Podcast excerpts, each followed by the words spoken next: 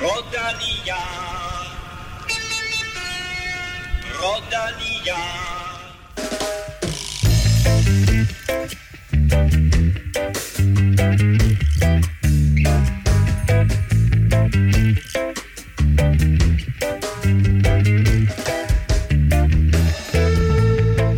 Velkommen til denne Tour de France special, hvor vi kigger nærmere på turruten 2021 sammen med flere special guest stars. Ruten skulle som bekendt være begyndt i Danmark, men nu bliver det i stedet Bretagne, der bliver vært for Le Grand Depart. Øh, selve ruten er også markant anderledes end øh, den, vi øh, så i 2020. Og til at analysere det hele, der har vi traditionen tro senior rutekorrespondent Kasper Linde Ankagård med her i studiet. Og øh, jeg kan lige så godt sige, at du er Kasper. Jeg glæder mig til, at du skulle komme. Velkommen til. Mange, mange tak. Det har jeg godt nok også. Dejligt. Er du, er du klar til quiz senere i øvrigt? Ja, jeg er klar på det hele. Sådan. Jeg kommer lige fra barsel, så... Jeg, Nå alt, ja, det er alt... rigtigt. Jeg vil jo nødt til at udsætte den her øh, tur gennemgang, øh, fordi du er på barsel. Det er gået godt? Alt er gået godt. Ja. Alle er glade, og ja. øh, vi er lidt trætte, og det er ja. også rart at lave noget andet. Præcis. Fik du en dreng eller en pige? En dreng. Sådan der. En første præmie til dig.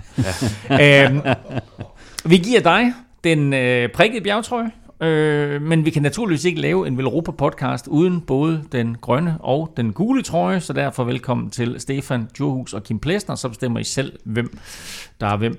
Øh, Stefan, øh, sådan ved første øjekast, hvad er din vurdering af ruten til næste års tur?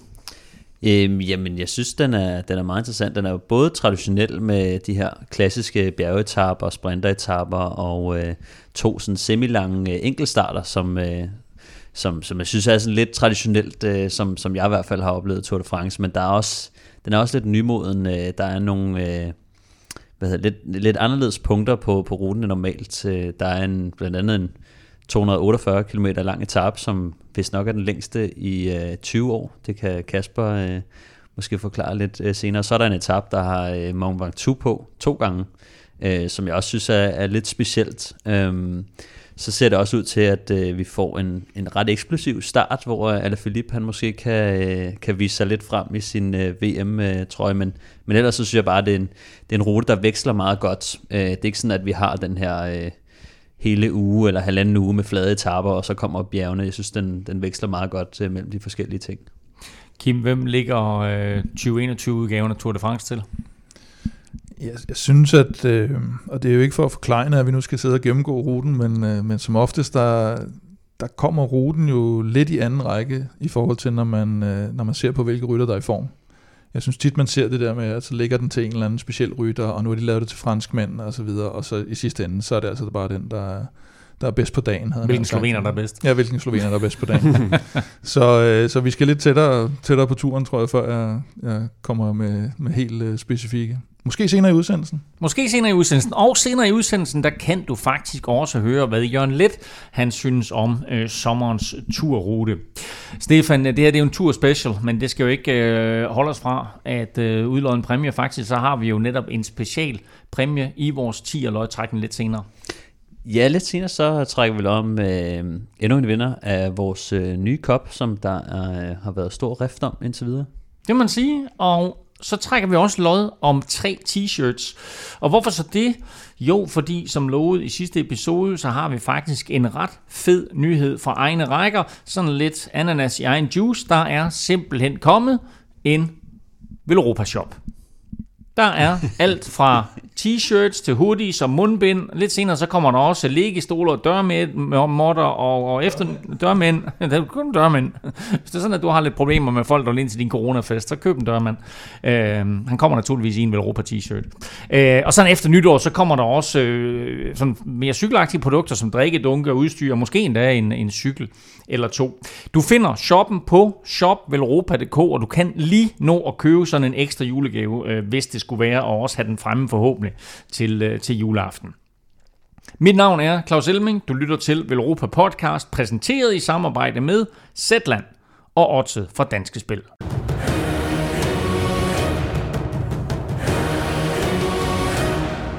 Vil du bare have sådan den hurtige gennemgang af, hvordan turruten øh, den ser ud, så har Stefan faktisk allerede givet dig den, og så kan du godt øh, stoppe øh, den øh, udgave af øh, Velropa podcast, du er i gang med her. Men som han også løftede sløret for, øh, Stefan, så er det nok næppe gået mange næse forbi, at Tour de France i 2021 skal over det skaldede bjerg ikke bare én gang, men to gange på samme etape. Øh, og samtidig til næste øh, tur, så er der også dobbelt så mange enkeltstarter som i 2020, nemlig to i stedet for en. Ruten består af otte flade etapper, to enkeltstarter, fem kuperede etapper og seks bjergetapper, heraf tre med afslutninger på toppen. Senere i udsendelsen, der får du Stefan, Kim og Kaspers spiltips til øh, Tour de France 2021, som øh, bliver leveret i samarbejde med Otte for Danske Spil. Men først, Kasper, kan du sådan ikke lige sætte nogle ord sådan på den overordnede rute? Jo, det er en, en rute, der er sådan lidt mere som, hvor mor troede, hun lavede den. Ikke? Øh, øh, altså mere klassisk, end det har været de sidste mange år. Øh, som vi talte om i fjor, så øh, er man gået mere og mere væk fra den, den traditionelle Jean-Marie Leblanc-opskrift. Øh, og det har været mere og mere kastet op i luften og har lignet krimskrams på et kort. Øh, nu, øh, nu, nu går man mere tilbage til den klassiske udgave, og da jeg først så ruten, så tænkte jeg, at det er noget tilbage til 90'erne.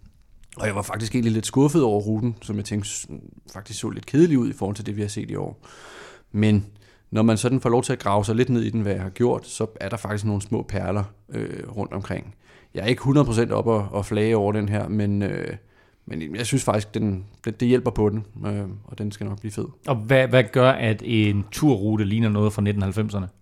Jamen det gør det der med, at øh, den klassiske opskrift med, at den første uge fortrinsvis er flad øh, og tilegnet sprinterne. Øh, I 90'erne var det typisk sådan, at der var øh, 7-9 ret kedelige flade etapper, hvor man et eller andet sted bare kunne scrolle frem til, til anden og tredje uge, før der skete noget. Øhm, og, og, og ved første øjekast var det også sådan her med, med 2021, øhm, hvor efter så bjergene kommer fra anden og tredje uge. Øh, I 2020 så man jo, at, at bjergene var strøget med nænsom hånd ud over hele ruten, og der var fem bjergetapper allerede i den første uge. Og her skal man altså først hen til 8. og 9. etape øh, i 2021, før der kommer bjerge. Øh, så på den måde følger den mere en klassisk opskrift øh, og, og, og sådan. Vi øh, gennemgår ruten meget mere i detaljer, og øh, for øh, den erfarne Velropa-lytter, der øh, ved man, at øh, Kasper Ankagård naturligvis sidder her fuldstændig uden noter og tager det helt fra hoften, og øh, jeg kan lige så godt at sige det som er, jeg er allerede øh, vanvittigt imponeret. Lige om lidt, mere for dig Kasper, men først de her. Der skal vi quizze, og det er jo ikke bare hvilken som helst quiz, det er årets sidste quiz, og dermed også afgørelsen. Og øh, stillingen er jo den, at øh, Kim har 42 point, Stefan har 39, og øh, Kasper har 0. Han kan nok nå det endnu. Stefan har serveretten. Og det sjove det hele, det er, at det kan Kasper faktisk. Fordi her, nu får I lige først og fremmest et øh, stykke papir hver og en øh, lille skriver. Sådan der. Øh, og øh, så skal I så skrive jeres bud på, øh, på quizsvaret her i løbet af udsendelsen. Og øh, quizens spørgsmål er, hvor mange kilometer er der sammenlagt i turruten 2021? Jeg scorer i quizzen. Det er det antal kilometer, I er fra det rigtige tal. Og det bliver så trukket fra jeres nuværende score. Så den, der ender på det højeste antal point efter i dag, er vinderen af quizzen i 2020. Er reglerne forstået? Ja. Ja. Jeg glæder mig meget til at øh, få jeres bud lidt senere. Jeg har kun én ting til jer to, og til dig Kasper, og til alle jer, der sidder og lytter med. Lad nu være med at google. Vi har besøg af Kasper Kagård her i øh, studiet, og det næste, vi skal i gang med, det er sådan lige en gennemgang, ikke af etaperne, men sådan mere af de forskellige strabasser, som rytterne bliver udsat for i 2021. Øh, øhm, Kasper, øh, bjergeafslutninger er der tre af, øh, og det er faktisk en mere, end der var i øh, 2020-udgaven. Ja, altså der er i hvert fald tre reelle bjergeafslutninger øh, til sommer. Øhm, hvor i øh, 2020 var der to svære bjergeafslutninger, og så var der sådan nogle lidt medium bjergeafslutninger. Jeg ved ikke, om I kan huske Orsier Malet, hvor hele feltet nærmest øh, endte sammen, ikke? Hvor, øh, hvor Pogacar vandt. Øhm, eller var det Roglic? Det, er faktisk, det var Roglic. Øhm, og så var der den i øh, Massif Central, hvor Lutsenko vandt, hvor der ikke skete en skid. Og så var der en anden i øh, Massif Central, hvor øh, Danny Martinez vandt, og hvor favoritterne først rykkede inden for de sidste, den sidste kilometers penge eller sådan. Så der var reelt set kun to bjergeslutninger til Grand Colombier og til Col de la Lose, hvor favoritterne kunne, kunne rigtig spille noget ud mod hinanden. Øhm, og altså, i 2021 er der altså tre reelle bjergeafslutninger. En kategori 1 og to uden for kategori. Øhm, så, så ja, og så derudover er der to, øh, der slutter med en, en bakke op mod mål i starten. Så øh, alt i alt er det måske lidt mindre end øh, i 2020, men lidt større sværhedsgrad, vil jeg sige. Og så er der jo igen øh, skruet op for enkeltstartskilometerne. Hvordan, øh, hvordan kan det være, tror du? Ja, faktisk ved jeg det ikke. Altså det, det, det er sådan et, et større mysterium. Alle, der har diskuteret tur, ved det faktisk ikke, fordi det er en offentlig øh, hemmelighed, at øh, Christian Prudhomme hader enkeltstarter. Ligesom jeg også gør. Øhm, jeg, jeg synes faktisk, det, det, det er dødssygt i forhold til øh, linjeløbsetapper. Der er jo ikke rigtig noget taktik i det. Jeg må medgive, at den afsluttende enkeltstart i 2020, den var okay spændende, mm. hvis man nu skal sætte mig kniven for struben. Øhm, men øh, hvorfor man har gjort det, jeg ved det ærligt talt ikke. Øhm, der er to på sådan en, en cirka 30 km rimelig flade, uden noget særligt kolorit på. Øh, på turnørde sites var det en forventning, at den første enkeltstart, som ligger på femte etape, skulle have været en holdkørsel. Øh, og det havde jeg faktisk set rimelig meget frem til. Jeg synes, holdkørsel er rigtig fede, og der er en masse øh, fede taktiske elementer i det. Det er en fornøjelse at sidde som, som seer og, og se holdene øh, køre de her holdkørsler. Så det havde jeg glædet mig rigtig meget til. Jeg var faktisk en smule skuffet over, at der var enkeltstart. Hvorfor man har gjort det? Tja, altså, øh, det spiller jo helt klart en, nogle rytter en fordel i hende, inden man rammer bjergene. Øh, vi kender alle sammen The Usual Suspects, som vil gøre det godt på en enkelt start. Og så vil der også være dem, der ikke gør det godt på en enkelt start, og det kan måske tvinge dem til at komme ud og, og, og angribe lidt mere fullblown øh, fra start af. Så er der det aspekt i det, at de to enkeltstarter er sige at skrive lige lange. Den ene er 27 km, den anden er 31 km. Og det bevirker jo sådan, at man kan regne frem øh, efter resultatet af den første enkeltstart. Så kan man øh, hele tiden sig nogenlunde frem til, hvad er forskellen på rytterne? Hvad, hvad, hvad skal jeg have i banken mm. inden den sidste mm. enkeltstart? Fordi det er plausibelt, man taler, taber nogenlunde det samme. Selvfølgelig fra Det er selvfølgelig, men det er jo meget sjovt betragtning. Ja, jamen bestemt, bestemt. Øh, jeg foretrækker bare, at det bliver afgjort øh, mand mod mand, altså øh, med, med taktiske elementer. Er mand mod uret. Jeg synes ja. det stadig, der er det der med, at man finder øh, den komplette rytter til sidst. Altså at det ikke bare er øh, en, en lille spinkel bjergrytter, der skal køres ned for, for bunden af et bjerg, øh, men altså at, at de små øh, bjergrytter også skal ud og angribe i, øh, på, på bjergetapperne, så jeg tænker, at nogle gange så kan det godt skabe, øh, altså jeg vil ikke sige, at det er garant for, at der sker mere, men at der, der er også nogen, der skal ud og hente noget tid, i hvert fald helt sikkert, fordi de ved, at de kommer til at tabe noget tid andre steder. Øh. Men pointen her med netop, at nogle af de der bjergryttere skal vide på forhånd, øh, inden 19. etape, jeg er nødt til at, eller 18. etape bliver det, fordi 19. etape er sådan en, en, en lang transportetape, men inden 18. etape skal de jo vide, okay, jeg er nødt til at have øh, x antal øh, minutter eller sekunder i banken, mm. hvis jeg skal håbe at køre fra Roglic øh, på, på lørdag. Ikke? Jamen bestemt, bestemt, og, og vi må se, om det, om det bærer frugt. Altså, jeg synes bare, det plejer meget i turen at være sådan, at, øh, eller som, som sådan i, i moderne cykelsport, at dem, der er bedst til enkeltstart, de er som regel også nogle af de bedste i bjergene. Altså man må jo ikke sige, at en Pogacar, eller en Roglic, eller en Geraint Thomas, eller en Froome eller Dumoulin er dårlige til at køre opad. Øhm, så kommer Garner til at vinde, tænker jeg. Nå, okay. Men, Skal han blæse igennem på de to enkelte starter der? Men, men mange gange er det sådan, forstår, at, at, at, at, så mange af de der bjergrytter føler sig allerede slået fra start af, og så tager de sig mm. lidt mere sådan til takke med de sekundære placeringer, og, mm. og går alligevel ikke rigtig ud og laver de der store angreb. Men, men altså, intentionen kunne sagtens være der, og det kunne da være interessant at se en Landa eller Bardet eller sådan mm. noget gå, gå amok i bjergene. Det vil vi gerne se.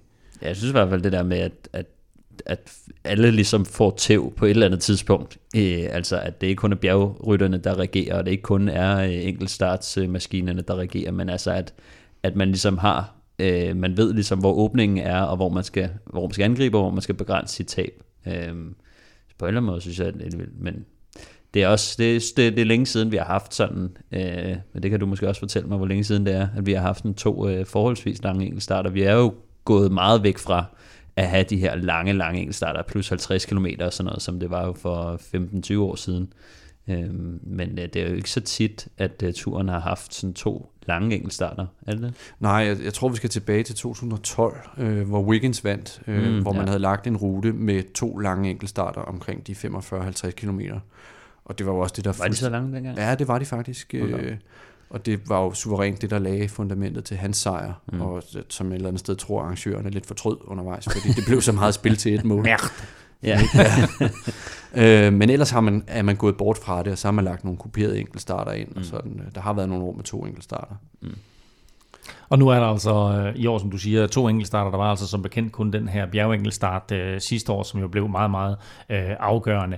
Øh, der er til gengæld i år, og vi ved, der skulle have været start i Danmark, men, men starten er så flyttet til Britannia, øh, og øh, det er sådan med, med, øh, eller egentlig ikke kun i den første uge, men, men i alle tre uger, der er der jo indbygget sådan flade etapper, så det er ikke kun af bjerge, men der er også lidt, som du siger, Stefan, er det lidt til alle typer hele vejen igennem, og vi har nogle gange set sådan en Tour de France-rute, hvor, hvor øh, sprinterne nærmest bare skal kæmpe sig igennem for at få lov til at køre på Champs-Élysées. Her er der hele tiden lige sådan en lille karamel derude øh, til dem, sådan en lille godbid, som de kan se frem til.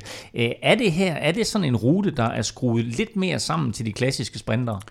Det var faktisk egentlig også mit, mit indtryk til at starte med, øh, at, at den var mere for sprinterne, den her rute. Øh, men når man går det, går det efter i sømne, så er der faktisk lige så mange sprinteretapper, som der var i 2020. Øh, 8, vil jeg sige, har øh, de tunge sprinter en chance for at gøre sig gældende på. Og det var præcis det samme som i, i, i sommers. Øhm, de resterende etapper, vil jeg sige, de ikke har nogen chance for at vinde. Øh, så det, det vil jo så sige, der er 13 etapper, som sprinterne ikke kan vinde. Så det er cirka det samme. Et fællestræk for sprinteretapperne, eller de flade etapper, lad os kalde dem sprinteretapperne, det er, at øh, de stort set alle sammen er lagt i områder med temmelig meget vind. Øh, enten hvor statistikken taler for vind, eller hvor turen tidligere har opsøgt flade etapper, hvor der så har været sidevind, og det kan jeg komme tilbage til, når vi gennemgår ruten. Øh, fordi som, øh, som jeg også tror, jeg nævnte sidste år, så er Christian Prudhomme meget opmærksom på det her med muligheder for sidevind.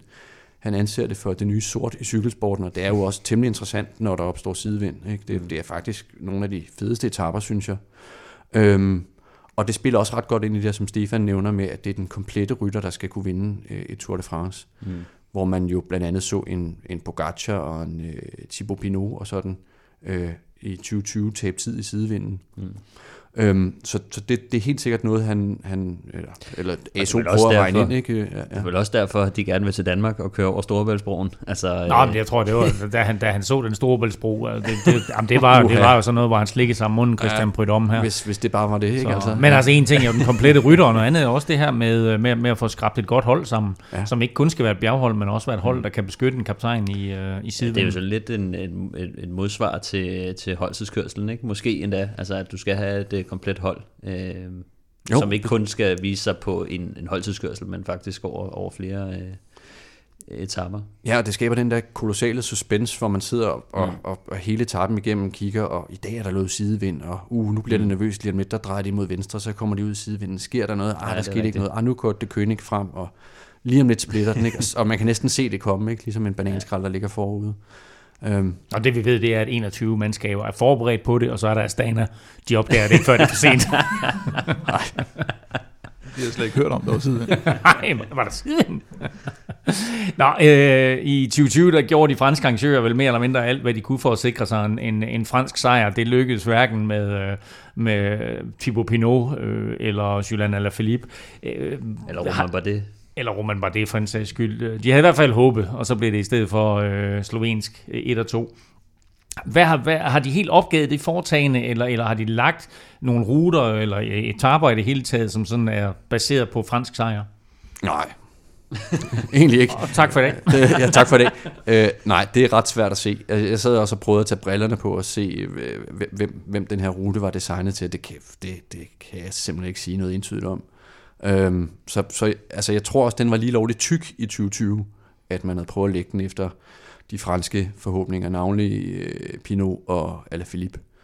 Og, øh, og, og så har man ligesom haft behov for at, at styre kontra og lave en, øh, en rimelig neutral rute. Lad os sige det sådan. Og den her neutrale rute, den gennemgår vi øh, i detaljer lige om lidt.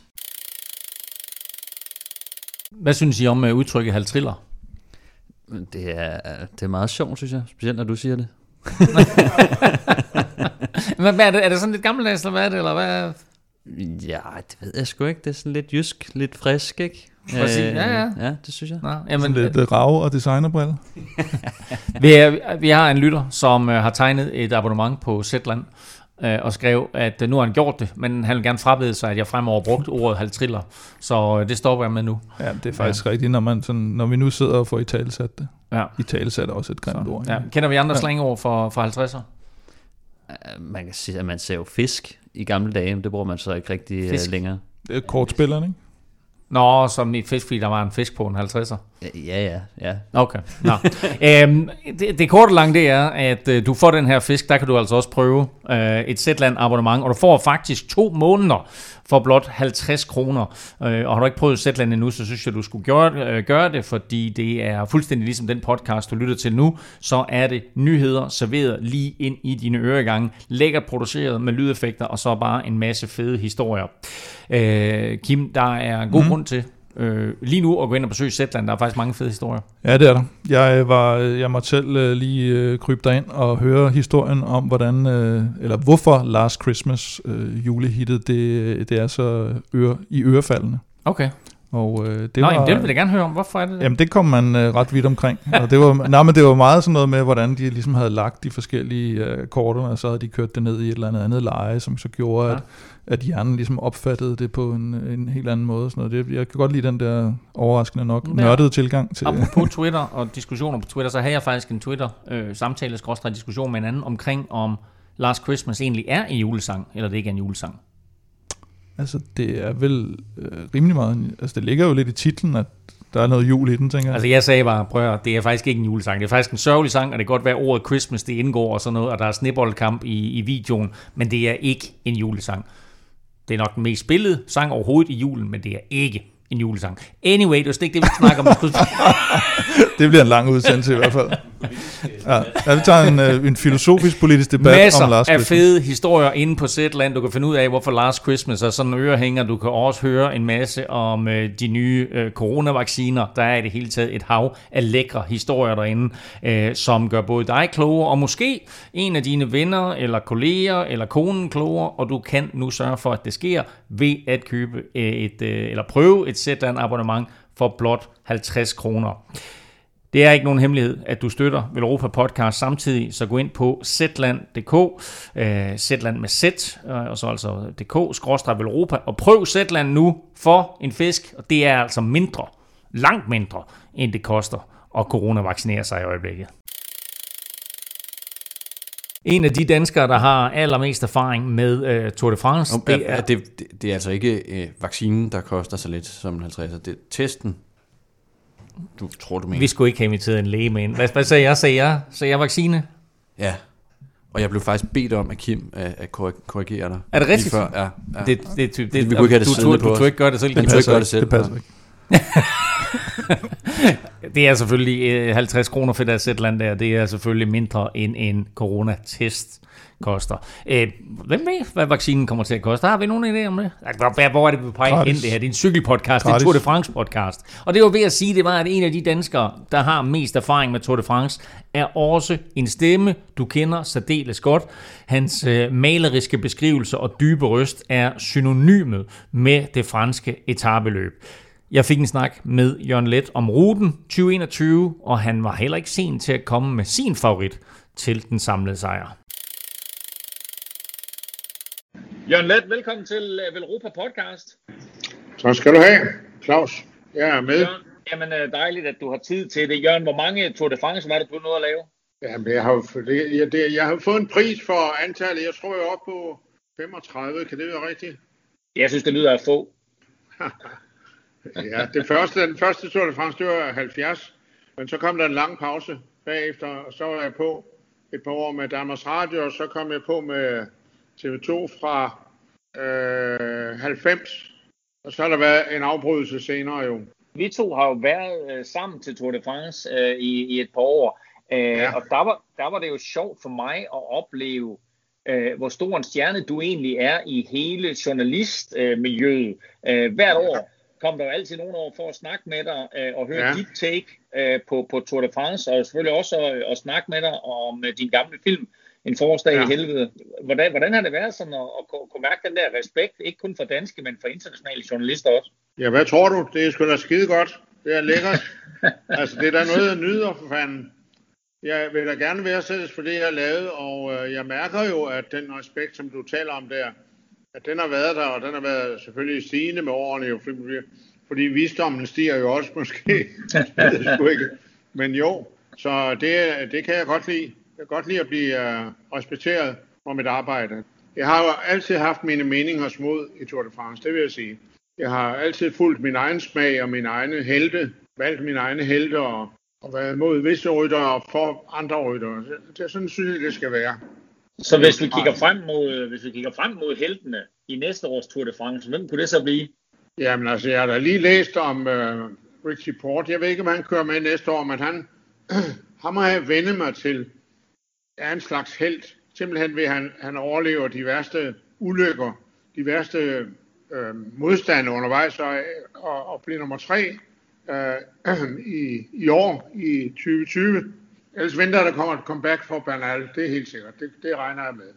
Okay. Han, han havde jo en fuldstændig umulig sæson i år, og øh, øh, helt skuffende efter sit helt blændende Tour de France øh, 19, ikke? 2019. Øh, men jeg tror, han kommer tilbage. Han er ikke, han er ikke, han er ikke ude på den måde. Han er stadigvæk et kæmpe talent. Og jeg er jo glad for de der kolumbianere i det hele taget. Jeg er jo stadigvæk glad for Nairo Quintana, som jeg synes havde en god sæson i 2020. Øh, måske ikke så meget Tour, i Tour de France, men i, i en del andre løb var han jo fantastisk god. Og ja. hvis, du, hvis du sådan uh, kaster et blik på ruten, hvad synes du så om den?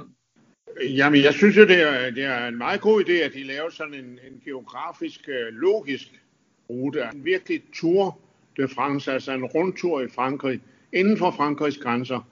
At de, at de starter ude i Bretagne, det synes jeg er helt oplagt, for Bretagne er jo et af de mest, en af de mest cykelsportsinteresserede egne i Frankrig, der, og der kommer mange store franske ryttere fra det.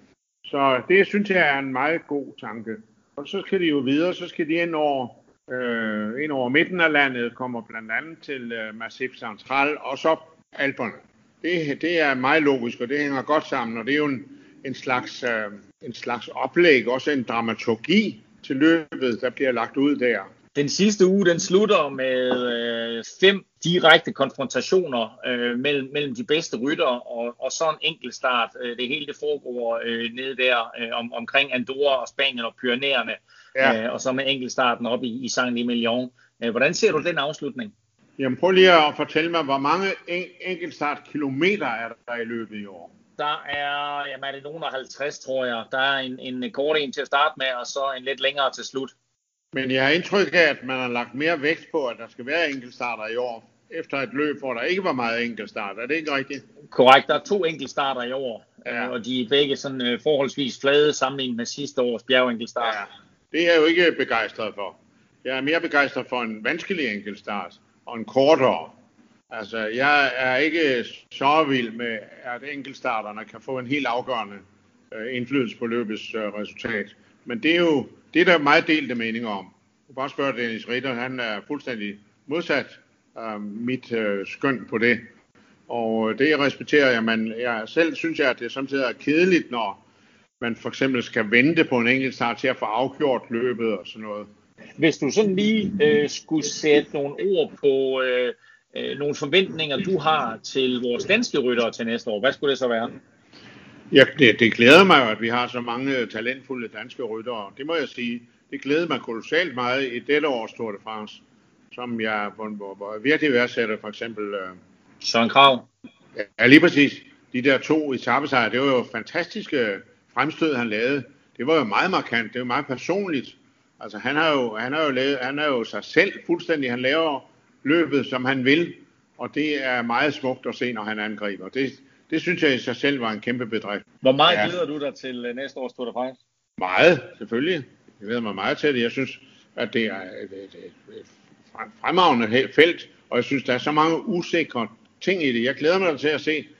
jeg vil sige, at der glæder mig til at se en rytter, som jeg ikke er helt vild med, men nemlig Froome, hvordan han klarer skiftet over til øh, et helt nyt hold, en helt nyt opsætning. Det er jeg da meget spændt på. Jørgen, tusind tak, fordi du havde tid til at være med. Vi fik slet ikke snakke om Østers i Bretagne, selvom vi var en tur til Bretagne her i starten. Det er, det er, det er, det er også pinligt. Det er også pinligt. Der, altså, vi må snart tage nogle Østers. Skynd dig skal vi have nogle Østers nede, ikke? Det skal ja, ja. vi. Det er jo stedet, hvor de kan findes. Okay. det er godt, Jørgen. Kan I lide Østers?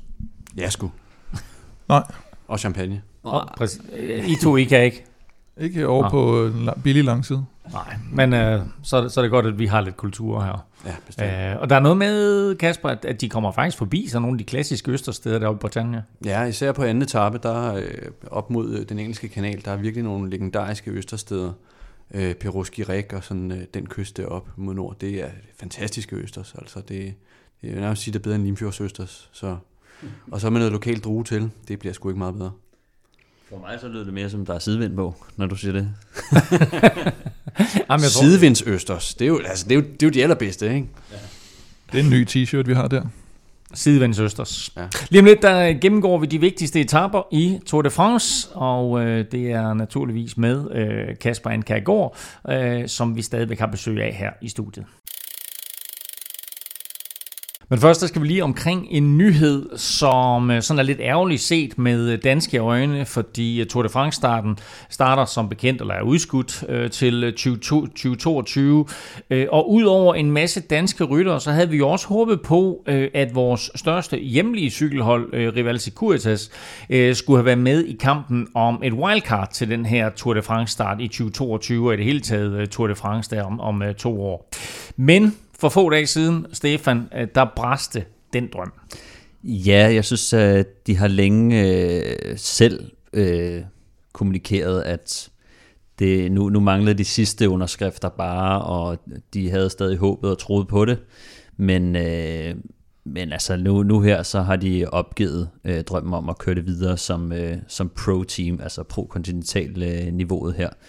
Øhm, og det, det, altså, det betyder bare, at de ikke har kunne finde øh, pengene til, øh, til at betale, øh, kan man sige, det, det, det koster at være med på, på øverste niveau. Man skal betale for, for licens og stille bankgaranti, og rytterne har en mindsteløn osv. Og, og øh, man må sige, at øh, coronasituationen har, har, har virkelig også ramt dem. Øh, de har haft sponsorer, øh, der har trukket sig, som har øh, betydet, at de øh, måtte øh, suspendere øh, folk, altså sende folk hjem, der ikke, de har ikke haft råd til at betale øh, folk deres løn, og øh, de har ikke engang råd til at komme ud og køre cykelløb. Øh, så øh, så der, øh, der er blevet hugget en, en hel og klippet en to. Øh, det, er, det er ikke set øh, kønt ud på, øh, på rival her. Øh, men, øh, men, men mange af rytterne har jo ikke rigtig noget andet valg end bare at, at, at følge, følge med og, og håbe på det bedste. Så, øh, så, så de her, selvfølgelig er nogle af dem er, er smuttet videre, men, øh, men de har stadig øh, en del rytter, øh, som,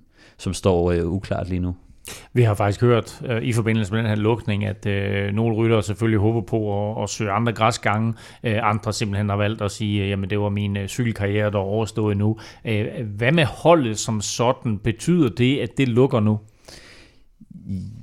Altså nej, det, det, det gør det faktisk ikke. Øh, de, øh, de, undersøger, øh, de undersøger muligheden for at køre videre som kontinental niveau, altså det samme som de var før. Og de, de har stadig de her 10, 11, 12 rytter, som, som står uden noget faktisk. Så vidt jeg ved, så er det kun Rasmus Kvade, der har haft en, en kontrakt for næste år. Men, øh, men alle de andre, øh, der er selvfølgelig nogle få rytter, der er skiftet, men ellers så står der stadig øh, de her øh, 10-11 rytter, som, øh, som, som, som er med på den, og, øh, og jeg tror at øh, jeg tror godt, de kunne, øh, de kunne køre det videre som kontinental niveau. Det er i hvert fald øh, det, jeg hører, men der skal skæres ned på, på mange ting, øh, og så, så tror jeg, de har et møde her i, i, inden længe i hvert fald, hvor at de skal prøve at se og, og finde ud af, hvad er det, der skal, der skal ske med, med holdet øh, fremover. Men øh, der, er, der er rimelig god øh, stemning i forhold til at køre det videre på kontinentalniveau, og så tror jeg ikke, de har droppet drømmen om at måske at, at, at komme op i, på, på, på, på øh, pro-team, det niveau igen fra, fra 2022 allerede, selvom det lyder lidt ambitiøst øh, lige nu. Øh, ja. Men det er selvfølgelig meget, meget tvivlsomt øh, og nærmest umuligt øh, at nå at få det hele på plads, og så skulle nå at søge om wildcard øh, til turstarten i, øh, i 2022. Vi håber på det bedste for øh, Rival Securitas, eller hvad holdet det nu kommer til at hedde, og øh, håber på, at de finder en, en løsning. Øh, og så håber vi på alle, for alles parter, øh, både for hold og for rytter og så videre, at det bliver lidt nemmere at finde øh, sponsoraftaler i 2021. Ja, altså vi, vi ved øh, indtil videre, at øh, Steffen Kromand, som har været teammanager, har, har trukket sig, eller hvad man kan sige, altså de har nok ikke haft, øh, haft helt råd til, til, de, øh, til nogle af de hvide skjorter bag, øh, bag holdet. Der er Steffen Krohmann i hvert fald trukket sig, og uh, Michael Blautun, som, som også har været sådan ledende sportsdirektør Øh, han har også øh, trukket sig. Jeg ved så ikke lige, om det er sådan en øh, afskedning, fordi de ikke har råd til dem, eller om de selv har valgt at trække sig. Øh, der har i hvert fald været nogle ting bag hold, som ikke lige har kørt sådan øh, optimalt. Øh, men jeg ved, øh, fra hvad jeg ved af rytterne, så, øh, så har de egentlig accepteret, at holdet har været i knæ, og øh, de er egentlig bare interesseret i at, at køre videre næste år, fordi at markedet er så skidt, at, øh, at rival nu engang er deres øh, bedste chance. Som Jørgen Let så fint kunne forklare her, så øh, går næste års øh, Tour de France-rute jo øh, fra øh, Bretagne i nord, og så ellers ud rundt i, i Frankrig, inden det hele det, som øh, så vanligt slutter i Paris. Øh, og Kasper, der var faktisk en historie der omkring Jørgen Let, som øh, vi ikke kom ind på.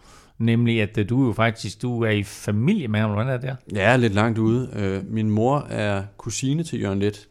Øh, min morfar, Erik Linde, øh, var faktisk ham, der oplærte Jørgen Let i, øh, i cykelsport, og han var banechef på Aarhus Cykelbane, og havde en ung øh, Jørgen Let med ud og stå øh, på de fornemmeste pladser på, på inderringen, og, og, og lærte ham op der. Øh, og det har han jo også selv nævnt øh, indtil flere gange, at det var Erik Linde, der lærte ham op i, mm. i cykelsport. Så Øh, og det er ellers ikke, fordi der sådan ligger særlig meget cykelsport i min families blod. Nå, jeg skulle men, lige øh, spørge om det. Nej, nej, altså øh, mine forældre tændte der pligtskyldigt for turen, da jeg var lille, fordi de synes, det var meget sjovt, det var Jørgen og, og, og, mm. og sådan, ikke? Og min mor sagde, ja, det er min fætter og sådan. Øh, men så sad jeg faktisk og kom til at kigge på det der Tour de France, og synes faktisk, det var ret fedt, og så var der jo ligesom noget, der fængede. Øh, men det er sådan lidt desuagtigt mine forældre. Jeg har aldrig rigtig opsøgt Jørgen Let. Øh, det tror jeg er sådan et starstruck over ham. Han er jo lidt en, en legende. Ikke? Ej, der må da være nogle familiefester, hvor I har været sammen. Nej, det ligger så langt ude, så det, det, jeg tror ikke, han ville kunne genkende mig på gaden. Det er jeg ret sikker på, han ikke ville. Vi sætter jer sammen øh, på et tidspunkt. Nu øh, skal vi først og fremmest lige videre med, med gennemgangen her af Tour de France. Ruten der for 2021, hvor adskiller den sig fra tidligere ruter? Jamen altså, i og med, som jeg har sagt, den er mere klassisk end dem, vi er vant til, så, så, så adskiller den sig jo sagens natur ikke særlig meget fra det, vi tidligere har set. Men der er en, øh, en, en ny tendens i øh, 2021-ruten, og det er, at øh, man har valgt at lægge flere etaper, bjergetapper, med mål på øh, nedad efter teknisk svære øh, nedkørsler. Øh, 2020, der sluttede stort set alle de væsentlige etaper opad. Men fælles for dem var, at der egentlig ikke skete en skid øh, før en, måske en kilometer før mål. En undtagelse herfra, det var den store etape over Madeleine til Col de Lose, hvor der måske skete noget de sidste 4 km. Men det er ret lidt valuta for pengene på en så kæmpestor bjergetap som den med 4.000 højdemeter, at der kun sker noget på 4 km, lad os sige 8-10 minutter, noget af den stil.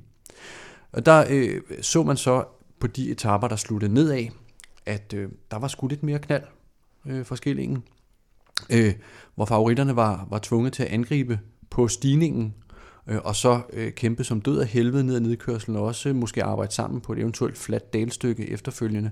Og når man sådan kigger lidt tilbage og er lidt retrospektiv, så, så de senere år har det faktisk været de etapper, der sluttede med mål nedad, der har været mest spændende. Så øh, ud fra en devise om, at man vil øh, strække spændingen lidt længere, øh, hvis favoritterne alligevel kun angriber de sidste 2-3 km op mod toppen af et bjerg, jamen så får du ligesom spændingen strakt øh, med hele nedkørselen efterfølgende. Og det, vi har jo set nogle virkelig drabelige billeder øh, på nedkørsler, hvor Roglic øh, i 2018, eller hvad ved jeg, Froome på vilde nedkørsler, giver den fuld gas, og, og hvor de virkelig er nødt til at satse. Øh.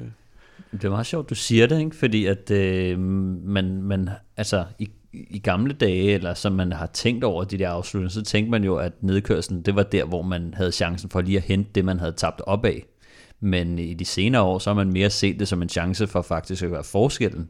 Øh, vi har også set det med, øh, altså eller Philip har jo også øh, gjort det, ikke? Altså i gamle dage var det jo kun øh, Il Falco, øh, Paolo Savoldelli, der, øh, der brugte den aktivt, men øh, der er altså flere rytter, der er begyndt at, øh, at være dygtige teknisk og faktisk øh, angribe på de der nedkørsler. Men, Øh, men, men står det ikke sådan lidt i, i kontrast til, til alle de her nye sikkerhedsting, som man er ved at føre ind i sporten, at man, at man netop ikke vil have, at, øh, at der sådan bliver kørt om kap nedad?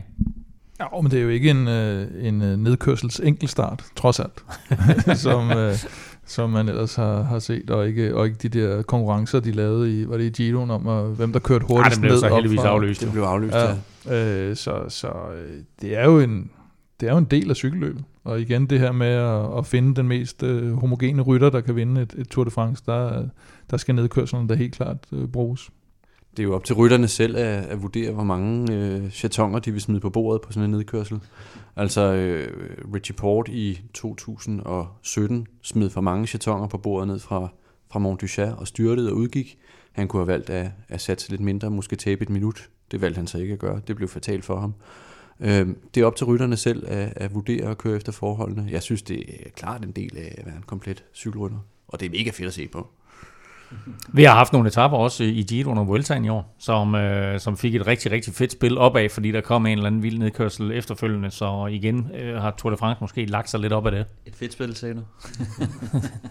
Nej, så synes jeg, at øh, en rytter som Mark Hirschi, så man jo også i, i Tour de France, ikke at han øh, kørte klassement, men øh, at se ham køre nedad, det, øh, det var da relativt smukt i hvert fald. Indtil, på nær, da han styrtede, ikke? så væltede. Ja, ja, jo, jo, men øh, hans, hans stil kunne jeg godt lide. Øh, turstarten skulle jo som bekendt have været i Danmark, øh, og for at få det hele til at passe sammen der, så var turstarten faktisk sat i København, altså den her 14 km enkeltstart. Øh, den var sat til fredag den 26. juni. Men øh, nu her, hvor det så er skubbet til Frankrig, så er starten også flyttet til lørdag. Øh, og lad os tage et kig, Kasper, på de første ni etaper øh, op til den første hviledag. Hvad vil du pointere der? Jeg skal lige tage luft ind i hvert fald. Det, Ja, Jo, godt, vi læner os bare øh, tilbage. Øh, de første ni etapper består af tre kuperede, øh, tre sprinteretapper, to bjergetapper og en enkelt start. Øhm, man starter ud Der er helt, lidt af hvert. der er lidt af hvert. Noget for enhver smag. Det er meget fedt. Øhm, man starter ud ude i Brest, som er en, en by ude i det allervestligste af Bretagne, noget af det vestligste, der er i Frankrig, i en etape, der kun kører i det departement, der hedder Finistère. Det betyder jordens ende, eller verdens ende. Øhm, om Finistère siger man, at vejret er godt indtil flere gange om dagen. Og det betyder så omvendt også, at vejret er ret omskifteligt, og der er enorme mængder blæst derudfra. Og så jævnført, hvad vi også har talt om tidligere, så er det absolut noget, man har, man har opsøgt. Den første etape øh, er en øh, cirka 180 km etape, som er, øh, det, det er sådan en etape, der går op, ned til højre og venstre, uden nærmest et en, eneste fladt stykke hele vejen. Øhm, jeg har plottet øh, etappen ind på Strava, og der tæller den 2850 højdemeter med, øh, med, med, så vidt jeg kan se, 11 stigninger, som er over 100 højdemeter hver Wow. især. Øh, om de så alle sammen bliver kategoriseret, det ved jeg ikke. Men, men, det bliver, Ah, men det bliver sindssygt svært at kontrollere den her etape, og øh, med alle de her retningsskift, og især hvis vinden blæser. Men hvad er det for en type stigninger? Altså, er det, er det en klassementsetappe, eller er det mere sådan en sakken etape? Jamen, ingen af stigningerne er sådan vildt hårde. Det, øh, generelt så er vi sådan noget øh, 5-7-8 procent. Den hårdeste er faktisk den sidste stigning op mod mål. Den er 3 km med 5,7 procent, øhm, men er klart stejlest nede i bunden. Den bliver sådan gradvist mindre og mindre stejl. Men nede i bunden, den første, de første halvanden kilometer, der er vi op omkring øh, 8-9 procent. Øh, så, så der vil helt sikkert ske noget udskilling der. Øhm, jeg tænker, at det godt kunne være en etape for udbryderne, selvom traditionelt set har udbruddet ingen chance på første etape, men fordi den er så vanskelig at kontrollere. Øhm, og så selvfølgelig, hvis der skal være noget til Ali Philippe, så, så skulle det næsten være der. Lige få ham i gul fra første fløjt. ja, det kunne da godt tænke sig, det tror jeg. Øh, turens anden uge, den løber sådan en sædvanen tro fra... Anden uge. Jeg, undskyld. Jeg, Anden etape. Nå, undskyld, men altså, du, jamen, du går bare ikke. Jeg var, jeg var i gang med, med at gå videre. Når det, du tog første etape, og så Det var, kører for, det var første etape. Jamen, det er det, jeg siger. Nå, Vi nu- læner os bare tilbage. Så kører du bare Det var mig vel, ja. Men anden etape, den, øh, den følger lidt det samme tema. Den er ikke lige så kuperet, men kører ud langs øh, nordkysten øh, for rigtig meget af etapens vedkommende, inden den drejer ind i land, og så rammer den en, øh, en, en hvad, hvad kan man kalde det, en, en circuit, et, hvad kalder man det? Rundstrækning. Rundstrækning for pokker da. øh, på den nyklassiske stigning Myr de Bretagne, Så man har kørt øh, tre gange i turen siden 2011, hvor Kettle Evans vandt øh, kniben foran Contador. Øh, og det er blevet sådan en ny klassiker, man kalder det Britannies svar på Alpe d'Huez. Det er måske sådan lidt, lidt oversolgt. Den er 2 km med 6,9 procent, men igen også stejles ned i bunden, hvor den faktisk kommer op på 14 procent, hvor den rammer mest. Første gang man kommer over den, er der så også bonussekunder. De her nye bonussekunder, man har indføjet øh, 8, 5 og 2 til første mand over, og det skal jo selvfølgelig øh, give et incitament til at, øh, at angribe henover. Så kommer der en lille kontrabakke, som også kommer op på en 9%, ned og så op af den her igen, Myrte Bretagne. Øh, og senest vi så den, så skete der, der også noget udskilling. Der var der nogle af favoritterne, der tabte ikke vildt meget, men en 10-15 sekunder. Det plejer der traditionelt set at være. Så der får vi det første fingerpræg om, øh, hvem der har noget at skyde med, hvem der ikke har noget at skyde med. Efter det følger der to flade etapper, som er for sprinterne. Der skal som sagt være noget for alle, også for husarerne. øhm, men øh, igen også i traditionelt blæsende områder. Øhm, så kommer femte etape, en 27 km flad enkeltstart, som sætter scenen, og som giver nogen nogle øh, tidsmæssige fordele og andre nogle tab, som man så kan kalkulere senere ind i turen.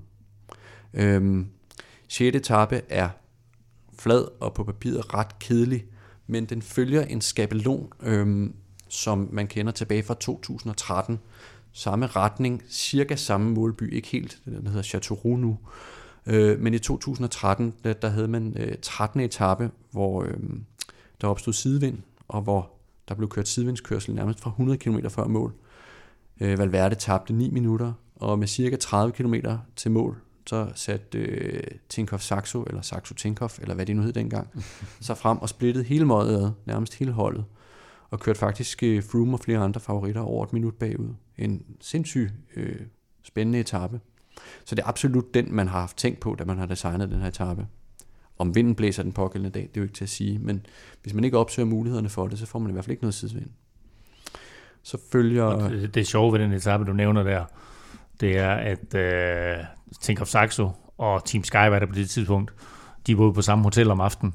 Så de skulle sidde og spise uh, middag lige ved siden af hinanden. Der blev skålet fra Bo 1 til Bo 2. Jeg tror det. Var det, den, var det dengang, øh, var det Sagan og Botner og dem, der kørte... Øh... Ja, de kørte også med. Og Ja, ja. Cavendish... Ja. Øh, Men Nej, var- men Sagan kørte Nej, for... nej, det er, ikke, det er ikke øh, den der, du tænker på, fordi det var der, hvor Froome han selv var med til at splitte det, hvor de kommer fire det mand var- afsted. det var det, her, det her, 16. det var, det var, det var Saxo. Og der havde, øh, der havde Froome og Sky, de havde øh, taget nogle minutter på, på Contador i forvejen, så det var faktisk øh, vigtigt for løbet, at, at Contador og, og company, de kom tilbage. Contador var ikke særlig god det år i virkeligheden. Præcis. Altså, hver gang det gik opad, så, så blødte han tid. Men man, man sad der hele tiden med den der illusion om, at han kunne komme tilbage, og det var i hvert fald en måde at prøve at hente noget af det tilbage på. Øh, Var det, det, var det dengang, øh, var det Valverde dengang, han røg i grøften i forbindelse med sidevinden? Og de blev lidt sure bagefter? faktisk så, så så jeg ikke lige den start af etappen, så jeg kan ikke huske det. Jeg, jeg var i sommerhus og sad med en dejlig tatarfrokost. men det er alligevel vildt, det er vildt, du, vildt, du kunne huske, hvad du spiste, trods alt. Ja, men jeg kan plejer at hvad tatar i sommerhus og en snaps, ikke? Så. Du kan huske, hvad du spiste, men du kan ikke huske, om Valverde røg i grøften. Er det, du siger? Nej, men fordi jeg så det ikke. øh, men men jeg, nej, jeg tror faktisk, han punkterede, og så blev der sat øh, kul Der var på. nemlig et eller andet. Øh, det var ikke, fordi han var blevet sat af. Jeg tror, tror faktisk, han havde en defekt, og så Ja. stoppede de bare ikke igen. Og jeg tror faktisk, han lå nummer to i klassementet inden øh, den etape, så det var lidt kontroversielt. Vi skal videre. Hvad er vi nået? Syvende? Så er vi nået til syvende etape, og øh, det er, som Stefan også nævnte, det er årets længste etape. Øh, 248 km til Le Creuset. Øhm, øh, Der, hvor de laver gryder og potter og pander og sådan noget. Eller også hedder Le Creusot. Nej, jeg tror, det hedder Le Creuset. Okay, Men det er sådan ja. en, en mineby, så det kan godt være, at det, det har noget Ja. med det at gøre med, med, med jernmalm og sådan noget. Mm. Øhm, øh, det er den længste i 20 år, som Stefan også sagde. 248 km. Det er den etape, hvor øh, planmæssigt øh, den danske udgave skulle have været koblet på. Altså man skulle have kommet nordfra. Mm. Øh, og nu kommer man jo vestfra, over fra Bretagne af. Øhm, man kører, øhm, øhm, den første halvdel er relativt flad, men derfra kører man ind i sådan et ardennerlignende øh, bakket terræn, øh, et, et, bjergmassiv, der hedder Morvan, som ikke særlig tit bliver kørt i turen, øh, men som minder meget om Ardennerne, og, og det er helt sikkert også sådan et Liège-Bastogne-Liège tema, man tager fat på med, med cirka halvvejs i etappen. Øh, etappen har over 3.000 højdemeter, og adskillige små stigninger, som er noget mere barske end dem, vi så op i Bretagne, og som faktisk minder meget om, øh, om dem i Liège-Bastogne-Liège. Øh, en cirka 35-40 km fra mål, der rammer man ind i, øh, hvad, hvad vi siger, præfinalen med en stigning, der hedder Croix de la Libération, som er 2,3 km med 8% i snit, øh, og med små hornålsvinger og alt muligt. Øh, du skal ikke ryste på hovedet af mig, Claus. men, men jeg er så imponeret, fordi det her det er alt sammen uden noter. så. øhm, og ja, ja, men altså, for fanden, man er jo en nørd, ikke? øhm, og så fortsætter den lidt kuperet, indtil den så rammer dagens hovedstigning, som hedder Signal du Champ, som er en stigning, man ikke før har kørt i turen, men der blev beskrevet myter om den tilbage fra Paris-Nice tilbage, jeg kan ikke huske hvornår, hvor man var nødt til at trække op over, fordi den var for stejl. Det er sådan en todel stigning, som i alt er 6 km med 6%, men der kommer en nedkørsel undervejs, og det er anden halvdel af den, som er 1,8 km med, med 11% i snit, som kommer op omkring øh, 18%, hvor der så også er bonussekunder på toppen. Så går det sådan lidt nedad, indtil man rammer ind i en kontrabakke, 2,5 øh, km med 5% i snit, og så 8 km ind til mål. Øhm, det er en, en afslutning, som jeg faktisk vil sige er lidt hårdere end, øh, end finalen i Liège-Bastogne-Liège, og øh, med en distance, som er derhen af. Så det bliver en spændende etape. Eneste minus ved den, det er, at dagen efter tager man hul på bjergene, og det kan måske bevirke, at nogle af de store favoritter sparer lidt på krudtet, men, men bestemt en interessant dag. Og så kommer vi til 8. etape, hvor vi så rammer bjergene. Øh, vi starter i udkanten af Jura, og det er ikke fordi det er nogen Jura-etappe, men allerede fra start af er der en øh, stigning på 5,5 km med 6%, nærmest fra, fra, fra startstregen af. Og så er der jo altså øh, skudt afsted til et ordentligt øh, udbrud, som helt sikkert vil få for lang snor. Det næste stykke tid, øh, eller de næste mange kilometer, er relativt flade, småkuperet, indtil man så rammer finalen, som er øh, tre stigninger, som er fuldstændig i rap. Øh, der, der er faktisk ikke noget dal imellem dem overhovedet. Øh, den første hedder Mont Saxonex, øh, som er 5,7 km med 8,3% i snit. Den er faktisk øh, bunden af den stigning, som øh, Jakob Fuglsang øh, cementerede sin Dauphiné eller tog den gule trøje Dauphiné i 2017. Øh, men den drejer af lidt længere op, men ganske stejl undervejs. Så går det direkte nedad. Øh, man rammer faktisk næsten ikke ned i dalen, eller lige strejfer dalen. Så går det op af den næste stigning, som man godt kan kalde en dobbeltstigning, Col de Rome og Col de la Colombière, øh, som øh, faktisk går nærmest ud i et, de to. Henholdsvis er de øh, 8,8 km med 8,9% i snit, så følger en kort nedkørsel, teknisk 4 km, og så kommer Col de la Colombière 7,5 km med 8,5% i snit, men som er klart stejlest op over toppen. Det er en kombination, man har øh, kørt øh, i, i turen to gange før. Den første gang var i 2009, hvor det var den afsluttende albeetappe, hvor øh, slægtbrødrene øh, blev til angreb nærmest for foden af Col de Romme. Øhm, og, øh, og den skabte fuldstændig enorme tidsforskelle. Det var kun Contador, der kunne følge med dem, og Contador havde endda sat sin egen holdkammerat Kløten inden da, øh, og altså alle favoritterne kom fuldstændig spredt ind i mål. Mellem nummer 1 og nummer 10 var der 6 minutter den dag. Mm. Så det var, det var virkelig noget, der ville noget. Det var næsten mere, end der var i det samlede regnskab i år. Efter Jamen, det, det må man sige. Det var virkelig en højdramatisk etape, og, og kombinationen af de to bjerge, øh, hvis man lægger dem sammen og, og fraregner den her øh, korte nedkørsel, der er undervejs, så er det faktisk Tour de France's hårdeste bjerg. Hårdere end Mont Ventoux og, øh, og Col de Portet, som kommer senere. 8. etape. Det vil sige, det er den, vi 8. etape. Ja, bortset fra, at, øh, at, at de kørte den samme kombi tilbage i 2018, hvor den så var første bjergetappe, ligesom den er nu. Og der skete lige nøjagtigt ikke en skid. Øh, så, så, så et eller andet sted mellem 0 og 100. Så, så du sidder simpelthen og taler det hele op, og så... Og så punkterer jeg det igen. Ja. Jeg håber på øh, noget mere 2009 end 2018. Det gør vi også. Så kommer 9. etape, den sidste inden der er dag. Ja, en stor albe-etape. Øh, fem stigninger undervejs, som slutter op på Tinje som man jo ellers skulle have kørt tilbage i 2019, hvor, øh, hvad hedder det, øh, Egan, Egan Bernal havde angrebet hen over øh, Col de Liseran, blot for at øh, få at vide på nedkørslen, at øh, løbet var altså afblæst på grund af mudderskred og havlbyer og det ene og det andet.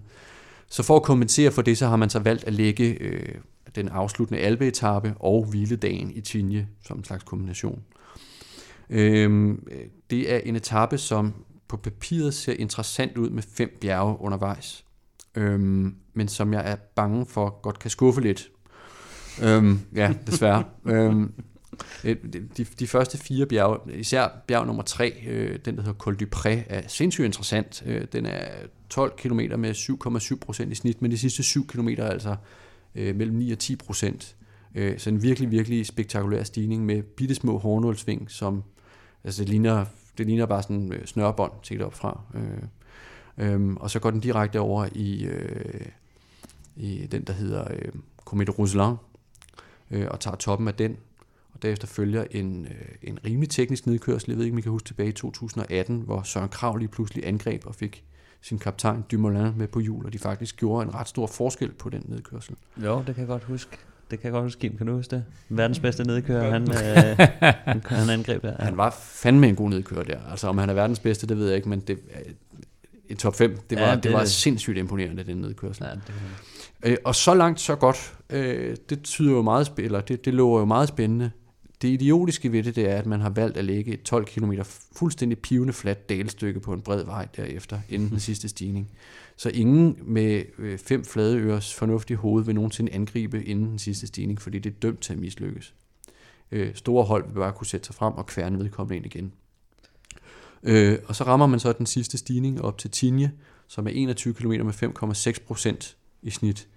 Egentlig ganske jævn. Cirka øh, to tredjedel opad kører man ind på en lille sidevej, som er en lille smule stejlere, som kommer op på sådan 7-8-9 procent.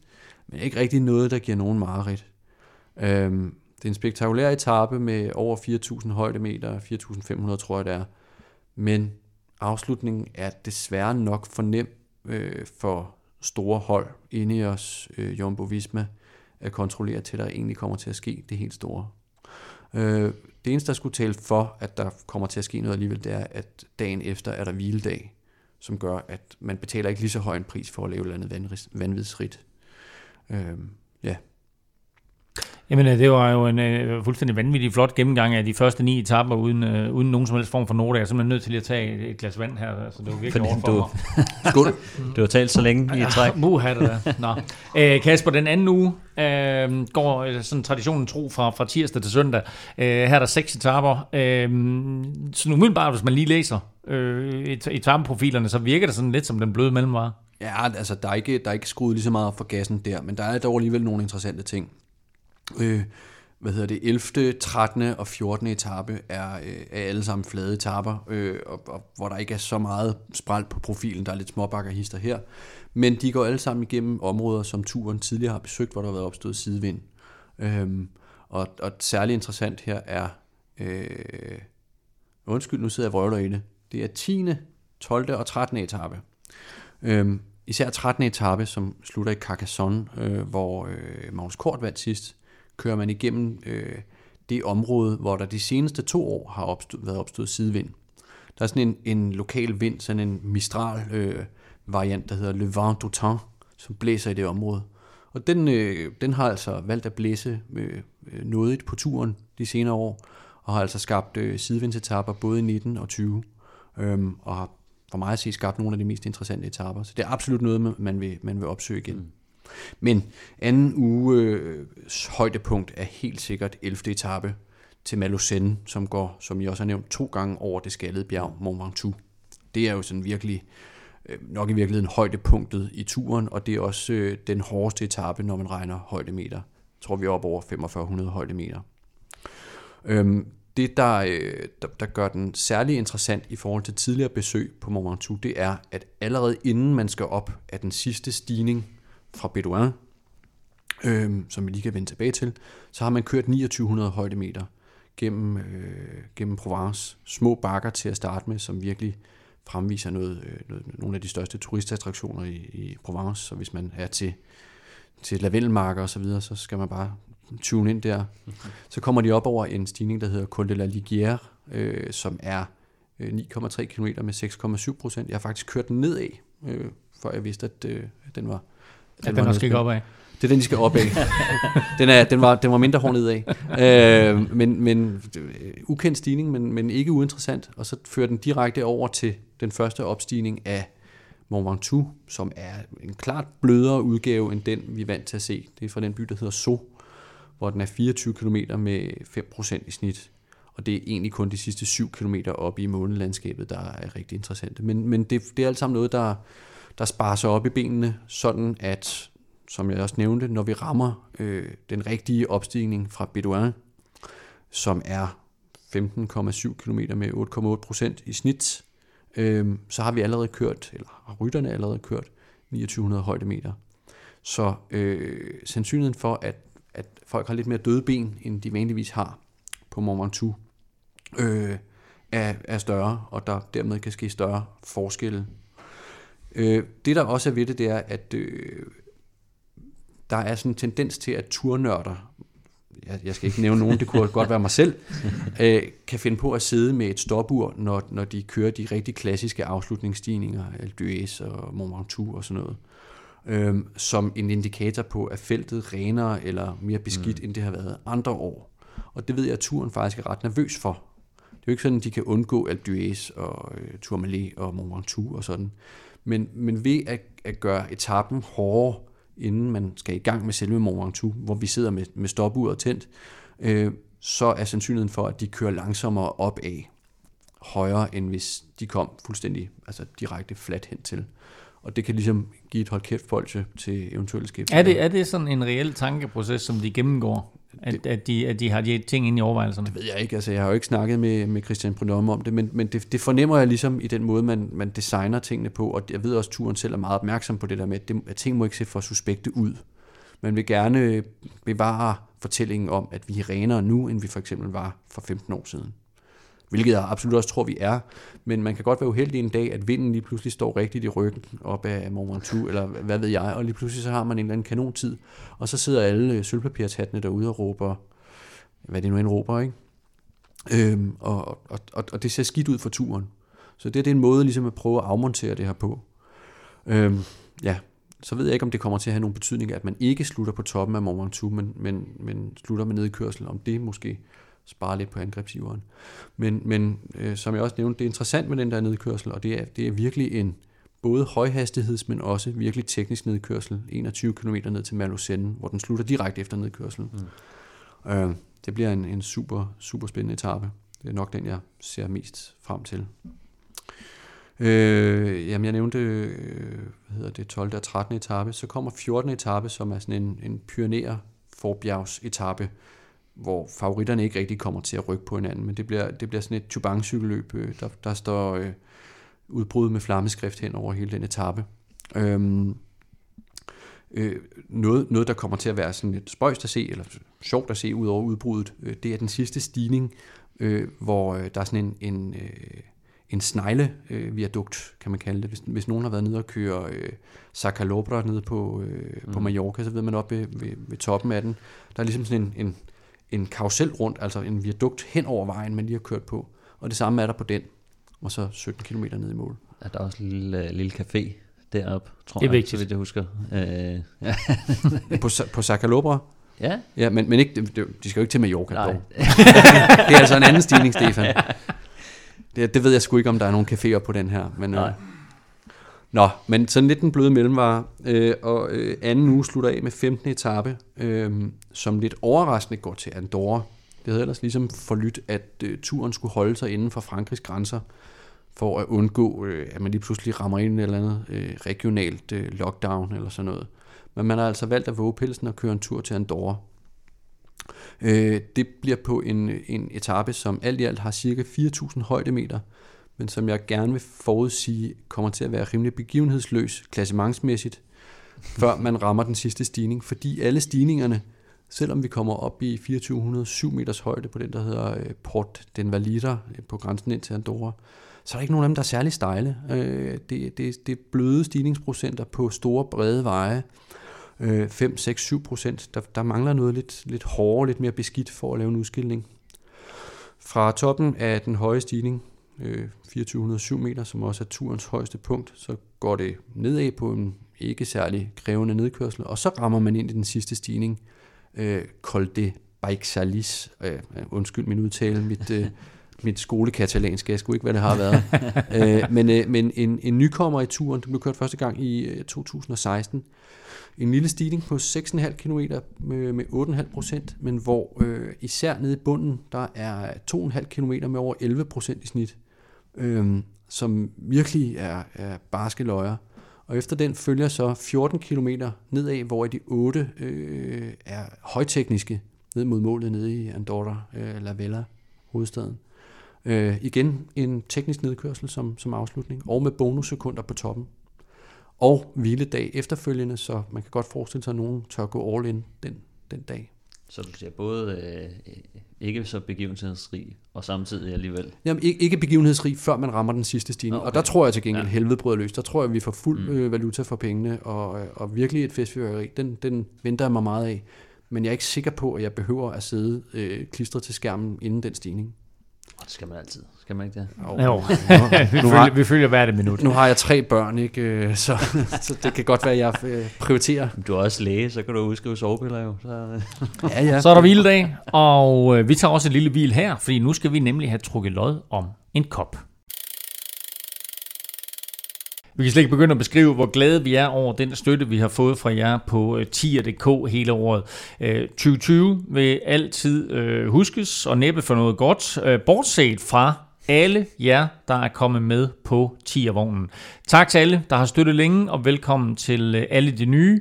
Og hvis du melder dig på i dag, så er det faktisk kvitterfrit, indtil vi sender den første podcast i det nye år.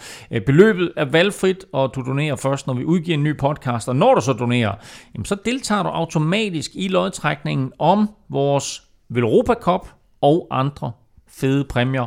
Uh, der kommer sådan lidt løbende øh, ekstra præmier til. Men i dag der trækker vi lod om en Velropa Cup, og lige om lidt også om tre t-shirts. Men Stefan, øh, allerførst, øh, hvem har vundet en Velropa Cup? Jamen, jeg har lige øh, trukket øh, navnet op her, øhm, og øhm, det er en, der hedder S. Øh, Kitsch, tror jeg det er. Ham kender du? Ham kender jeg. Nå, jamen hey, fedt. Jamen, Han øh, har, han har arbejdet hos Peitz, Søren Kveits for Peitz. Nu tror jeg, han er... Jeg kan ikke huske, hvor han er henne nu. Nå. Sådan. Jamen, øh, hallo. Øh, fedt, Søren. Øh, tillykke med at være den seneste indehaver af en øh, Velropa Cup. Og så skal vi også have trukket, Stefan, øh, tre vinder af tre t-shirts fra vores nye shop. Øh, og øh, du har allerede haft gang i den der randomizer. Yes, jeg har lige tog. Det er et navn, der er sådan lidt nemmere for mig øh, at, at have med at gøre. Det er øh, Peter Rubæk, er den første. Og så er det øh, Thomas Rasmussen. Og den sidste er Rytmerone. Ham kender jeg også. Ham kan du også. Han var med, ham har du, ham har du måske trænet i uh, Velropas uh, cykelklub. Nå. ja. Det er Rune jo. Det er Rune. Det er det er Jamen, øh, hey, super fedt. I modtager en mail fra os efter udsendelsen, og hvis I så skynder jer lige at skrive jeres adresse tilbage, så kan I lige nå at have jeres nye, lad nu være med at google, t-shirt øh, på juleaften. Øh, du finder link til øh, tier.dk, øh, både på velropa.dk og på tier.dk, øh, og husk at for alle vores lodtrækninger, der gør vi det jo på den måde, at for hver femmer du donerer, der får du et lod i puljen, så jo større beløb, jo flere lodder, og dermed altså større chance for at vinde. Mange tak for støtten, øh, og tillykke til øh, Søren, til Peter, til Thomas og til Rytmerune. Øh, I blev altså de sidste vindere i 2020. Forestil dig, at du ligger på et hotel i Andorra, du har fødderne op, du har lige gennemgået de første to uger af en Tour de France, og du er faktisk allerede helt færdig. Men i morgen, der begynder de sidste seks dage af Tour de France 2021, og Kasper, vi skal jo øh, have gennemgået dem, og traditionen tro, så indeholder de jo masser af bjerge. Øh, det hele øh, foregår der rundt omkring i Pyrenæerne, og så slutter det med en enkelt start i vinmarkerne omkring Saint-Emilion. Ja. Man starter blødest ud på 16. etape, som er en medium bjergetappe. En udbrudsetappe igen, øh, som er fuldstændig bøjet i næren. Øh, det er helt øh, evident, at favoritterne ikke kommer til at rykke på sig den dag. Det, det skal virkelig kræve, at der er en favorit. Heller ikke på den dag. Altså, Heller ikke på den jeg, dag. Der er mange dage, hvor der er de mange ikke, dage, hvor de øh, ikke gør... Nå, men bestemt, altså det, det, jeg tror, der er seks øh, bjergetapper, måske syv, hvor favoritterne kommer til at rykke på sig. Det er jeg ret sikker på, at de kommer til at gøre. men også en masse etapper, hvor jeg med rimelig skråsikker kan sige, at de ikke kommer til at gøre det. Og det er på grund af etapens topografi. Der er tre stigninger undervejs, som jeg vil sige er en kategori 1. Øh, slutten af med den, der hedder Col du Porte d'Aspé, som er sådan en, en stigning. Den, er- den er ligesom svær at sige, hvor man skal skære kagen hen, for den bliver kun stejlere og stejlere øh, over øh, 20 km, men til at starte med er den ikke særlig stejl, så bliver den lidt stejlere, og, og de sidste Og to... det er jo en forholdsvis ny stigning. Det er kun anden gang, den er med, ikke? Det er Nej, den, nej, nej, det, det er ikke den her, det er den, der hedder Col du Porte. Ikke at forveksle med Col du Porte d'Aspé. Jeg Nå, forstår okay, godt ja, ja, forvirringen. Godt, godt, ja. Øhm, øh, nej, det er desværre en stigning, vi er alt for godt bekendt med i Tour de France, fordi det var på den snedkørsel i 95, at Fabio Casartelli styrtede og døde. Uh. Så, øh, og øh, ja, øh, den har man så valgt at, at lade den øh, nedkørsel være øh, en del af afslutningen på den her etape. Skide godt, Egon. øh, men der følger øh, 20 flade kilometer efter det, og, og navnlig derfor kommer der ikke til at ske noget blandt favoritterne.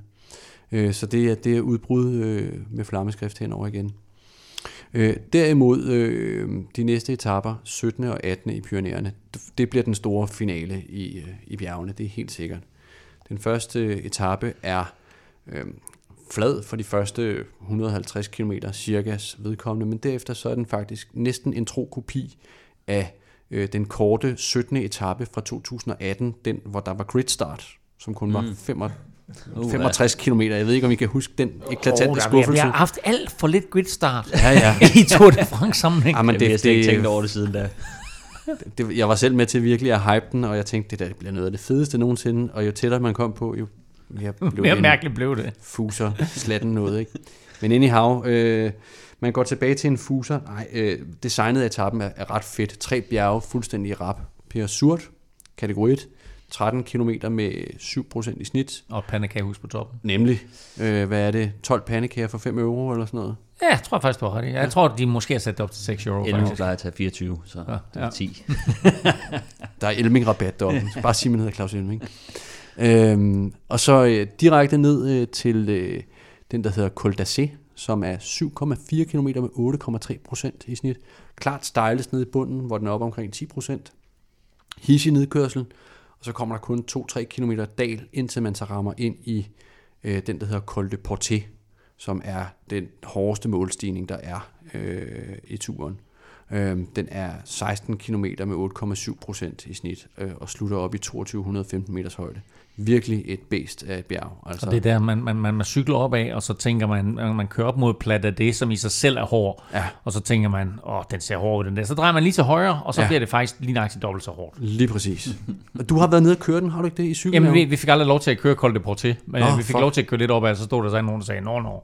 Jamen, det var fordi, de var i gang med at asfaltere den Præcis, tilbage i 2018. Og Det, jo- det, det, hidtil var det jo sådan en, øh, en gedesti, ikke? men så fik øh, Tursocietiet øh, SO øh, asfalteret den hele vejen op til toppen i, i 2018.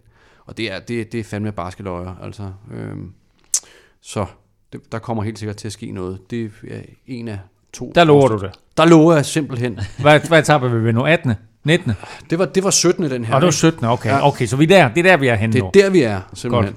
Øhm, og så kommer 18. Kun to bjerge, flat, indtil man så rammer ind i Col du Tourmalet, som er et af de fedeste bjerge, der er i turen. Og et af nok det mest legendariske bjerg i virkeligheden. Det er i hvert fald det bjerg, der har været kørt flest gange. Mm. Øhm, som står noteret for 17 km med 7,4 procent. Men igen, så er det sådan lidt et spørgsmål om, hvor man skærer kagen. Øhm, hvis man nu valgte at bare tage de sidste 12,5 km, så er vi oppe på 8,7 procent i stedet for. Og især midterstykket op mod den skiby, der hedder La Mongie, der er vi oppe omkring 10 procent hele vejen. Mm. Så den er, bare, altså, den er bare så sindssygt lang, og den, altså, den giver aldrig op, når først man kommer ind på de der 8-10 procent. Og øh, ja, så rammer den deroppe i 2115 meters højde. Hissig nedkørsel, øh, som bestemt er teknisk. Øh, der kunne man have valgt at, øh, at gå direkte over i den sidste stigning, Lys Ardiden, og af urensagelige årsager har man valgt ikke at gøre det. Det plejer man heller ikke at gøre. Men man slår simpelthen en sløjfe op gennem dalen på den ene side af en flod, hen over en bro, og på den anden side af en flod, øh, så der kommer 3-4-5 km flade inden den sidste stigning, hvilket jeg synes er ret idiotisk, fordi øh, det tager ligesom det incitament, nogen øh, kunne have for at angribe på Tourmalet lidt væk, fordi man risikerer at blive spist ind på de der flade kilometer. Hvor mange kilometer sagde du, der var imellem? 4-5 km relativt flade, vil Og jeg sige. det er jo alligevel ikke så meget. Nej, nej, men det åndssvage er, at man, hvis I nogensinde har været nede og køre den, så kører man simpelthen direkte fra Tourmalet ned igennem øh, kurbyen øh, øh, Lys Saint-Sauveur, og, og direkte ned over broen, og så starter den øh, mm. Lys den. Så det, der, man kunne have sørget for, at der faktisk ikke var noget dal imellem, og Ja, ja, det kunne virkelig have, have, have givet et spark. Men anyhow, øh, man, øh, efter de her, det lille dalstykke, så starter man så på Lys den, som er en en gammel klassiker i turen, men øh, som man ikke har kørt siden 2011. Det er øh, 13,3 km med 7,4 procent. Kommer aldrig rigtig over 9-10 procent, men den, den er rimelig hård, og med flere hårdnålsving end Alpe så vidt jeg husker. Det er et bjerg, hvor øh, baskerne traditionelt set øh, gør det godt på, og der plejer at være fuldstændig tykt med, med stangstive baskere, der står og råber og skriger med deres baskerhuer og baskiske flag. Senest var det øh, Samuel Sanchez, der vandt, og øh, 2011 og 2003. Det var den mest dramatiske. Verdens bedste rytter, der aldrig har dopet sig. Det er, der er jo aldrig nogen fra Euskaltel, der har dopet sig. Det kan I godt citere mig for. Er det ikke øh, Samuel Sanchez cykel, du har? Den står lige derovre, Ja, står over i hjørnet her. ja, og øh, han er også taget for doping efterfølgende. Ja, bevares. Øh, I 2003, der havde man nærmest en identisk etape over Tourmalet og Lysardiden, hvor, øh, jeg ved ikke om I husker det, at Armstrong han øh, angreb med Iban Mayo på hjul, en af mine andre store helte, ja. og øh, kørte så tæt ud på øh, tilskuerne, at han fik fat med styret i en eller anden mulepose eller en hat, eller hvad det nu var, ja. og styrtede, øh, hvorefter Ulrik kørte øh, direkte udenom, og sådan lidt lod til at, at vente, men hvis det ikke rigtig helt gjorde det, og Tyler Hamilton kørte op og fik bremset det hele, og øh, Armstrong kom op og kørte den på adrenalinen. Faktisk så meget, at han nåede at træde ud af pedalen på vej op til, til, Nej, til feltet igen. og så kørte han op, og så satte han det hele på plads i en tur, hvor han ellers havde vaklet en del. Øhm, men det plejer altid at være et fedt bjerg, hvor der plejer at være masser af action på, og det er sådan lidt Pyreneernes pendant til Alpe d'Huez. Så det bliver en stor etape. Det er jeg helt sikker på. Så følger 19. etape, som er en transportetape, afgjort, som skal gå fra Pyreneerne op nordpå, op i nærheden af Saint-Emilion. Øh, men den går øh, rimelig meget syd-nord, og vinden kommer som regel ude fra vest, der nede i Le Land, det hedder det her fladlandsområde. Så man kunne jo være heldig, der kom, kunne komme lidt tidvind. Det har vi haft før dernede, men man ved aldrig. Det er sådan lidt en, en, en sjældenhed, den her type etape. To, over 200 km er den der som 19. etape. Så de går lige bjergene færdige, inden de skal på den her øh, ja, enkeltstart på 20. Man har lavet nogle, nogle, nogle kontraktmæssige forpligtelser om, at man skulle lægge den sidste enkeltstart i Saint Emilion-området, som, mm. som skulle promovere noget vin, og det går igennem alle de, de kendte distrikter og, og slutter i selve byen Saint Emilion. Og så har man jo skulle fra A til B på en eller anden måde, ikke? og så er det så blevet 200 km. Øhm, det er helt sikkert, at de håber på noget sidevind, for ellers så bliver det rimelig meget en lang gaber, det kan jeg godt love. Og så kommer så 20. etape, den afsluttende enkeltstart på 31 km. Flats, øh, lidt småsving, men også nogle tons og stykker. Øh, så det er de tunge drenge, der, der, øh, der vinder den. Ikke? Og hvis Philip Ogana så øh, stiller op, så giver han odds øh, 1-0-1 Ja, ja. for at vinde den. Så, øh, og så slutter vi af i, i Paris, sædvanen tro.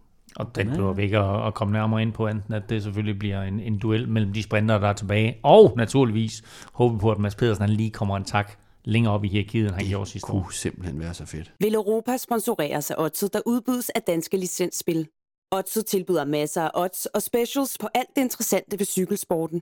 Husk, at man skal være minimum 18 år og spille med omtanke. Regler og vilkår gælder. Nu skal vi så kigge lidt i krystalkuglen for øh, turen 2021, og det gør vi med øh, Stefan og Kim og øh, Kasper, der lidt senere giver dig et par gode tip til, hvem der eventuelt kan gå hen og vinde næste års rundtur i Frankrig. Men først, så lad os tage et kig på de danskere, vi kan forvente at få med i turen. Vi havde ni med i 2019, vi havde otte med i 2020, og nu glæder jeg mig til at høre, hvor mange I tror, vi kan nå op på i 2021. Syv.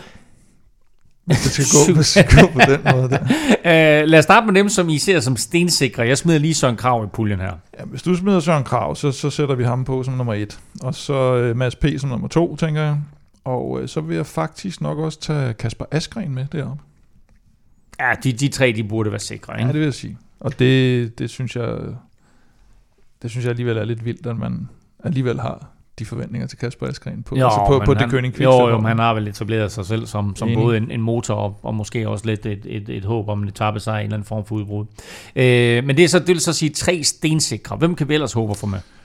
Jamen så øh, forvente skråstreg håbe, synes jeg, vi har en øh, rytter som Michael Mørkøv, som jo alt efter hvem de, de lige vælger at tage med øh, på, på, på sprinterkortet, øh, formentlig Sam Bennett.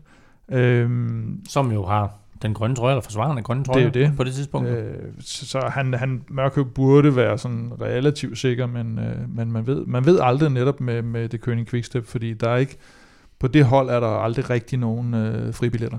Det er, det er form, og det er, øh, hvad tilstand man lige er i. Så har vi en, øh, en rytter som Magnus Kort, som jo var lidt uheldig og, øh, og misse et, et par Grand Tours i år øh, her i 2020, at, øh, at han troede, han skulle køre det ene, og så skulle han køre det andet, og så kørte han Vueltaen, og så vandt han en etap der. Øh, jeg, jeg tror, under normale omstændigheder, og, og et lidt mere normalt år, der, der er han på, på EF's øh, turhold. Chris Juhl er oppe på en, øh, det vi kalder en 6. plads af dem, vi har listet her. Og øh, den her gang, der har vi ikke glemt ham, hvilket man jo lidt har en tendens til. Øh, men, men er et, også det her sikre kort, du ved, hvor du får, og, uh, og det tror jeg, Mitchelton Scott, de godt kan lide. Uh, så har jeg faktisk uh, Kasper P. Hvorfor er han ikke højere op? Jo, men han er jo trods alt stadig på et, øh, et hold med, med en, en række gode rytter. Øh, og, og Ja, hvad, hvad er det? Og Det, er- det vi tidligere kendte som Sunweb, og de kommer nu til at hedde... DSM, eller hvad fanden Ja, præcis. kommenteret. Under normale omstændigheder jo, men nu har han haft sit gennembrudsår, og nogle gange så er det sværeste år, det er det der sophomore year, som mm. Man kender fra, fra amerikansk sport. Det skal vi lige se, om han øh, følger op på. Det tror jeg, han gør. Og så er han, øh, så er han relativt sikker, fordi han jo netop både har vist, at han kan vinde, og han kan køre lead-out. Øh, Michael Valgren kommer så, og det er jo noget med, at der skal bevises noget i hvert fald på et nyt hold, og, øh, og finde tilbage til en gammel form. Øh, jeg tror ikke helt, han får nok hos, hos NTT, var han sådan nærmest selvskreven, også på grund af, at han var en, en stor stjerne på holdet. Han, øh, han var på et hold, hvor der ikke var så mange profiler. Nu kommer han over på et hold, hvor der er relativt hård øh, kamp om det, og det vil sige, at han skal finde tilbage til noget af sin tidligere form, for han, han kommer med i Tour Men det er vel usandsynligt, at EF både tager kort med og Valgren. Ikke hvis de vil vinde en etappesejr, jeg tænker, så er det en meget god kombi. Ja, men altså, du kan se, kort han blev sorteret fra, sorteret fra i år. Ja, nej, men det er sådan et hold, hvor, hvor jeg, det er sådan lidt... Du har både en rigtig god chance, fordi der netop, det, det er meget få af deres rytter, der, der ligesom er sådan givet og, og har sådan en stor entourage med sig. Mm. Øh, men på den anden side, så er det også et utroligt stærkt og bredt hold, så på den måde er det svært. Så Men du, også amerikansk funderet, og det var vel også derfor, at, at kort han blev sorteret fra, og de havde lige en eller anden ung amerikaner, der skulle med ind over der. Ja, Ja, han kørte sig i øvrigt meget godt i forhold til, Skal hvad jeg siges, forventet. øh, så, det. så har vi øh, Jonas Vingegaard selvfølgelig. Øh, Ej, han må da højere kæmpe gennembrud. Jamen igen, han er, hvem skal han slå af? Det er det, der er store Hvem problem. skal slå ham af? Ja, ja, lad os prøve at se. øh, Og det kan også godt være, at de spiller kortene, så han får en, en større rolle i, et, i enten Giro eller, eller Vuelta, og så, og så ikke skal køre som hjælperytter i turen. Så har vi Mikkel Honoré, som jeg synes egentlig bare har bygget på og bygget på, og øh, måske står og banker sådan lidt på til en, øh, en turplads. Øh, men igen, svært hold.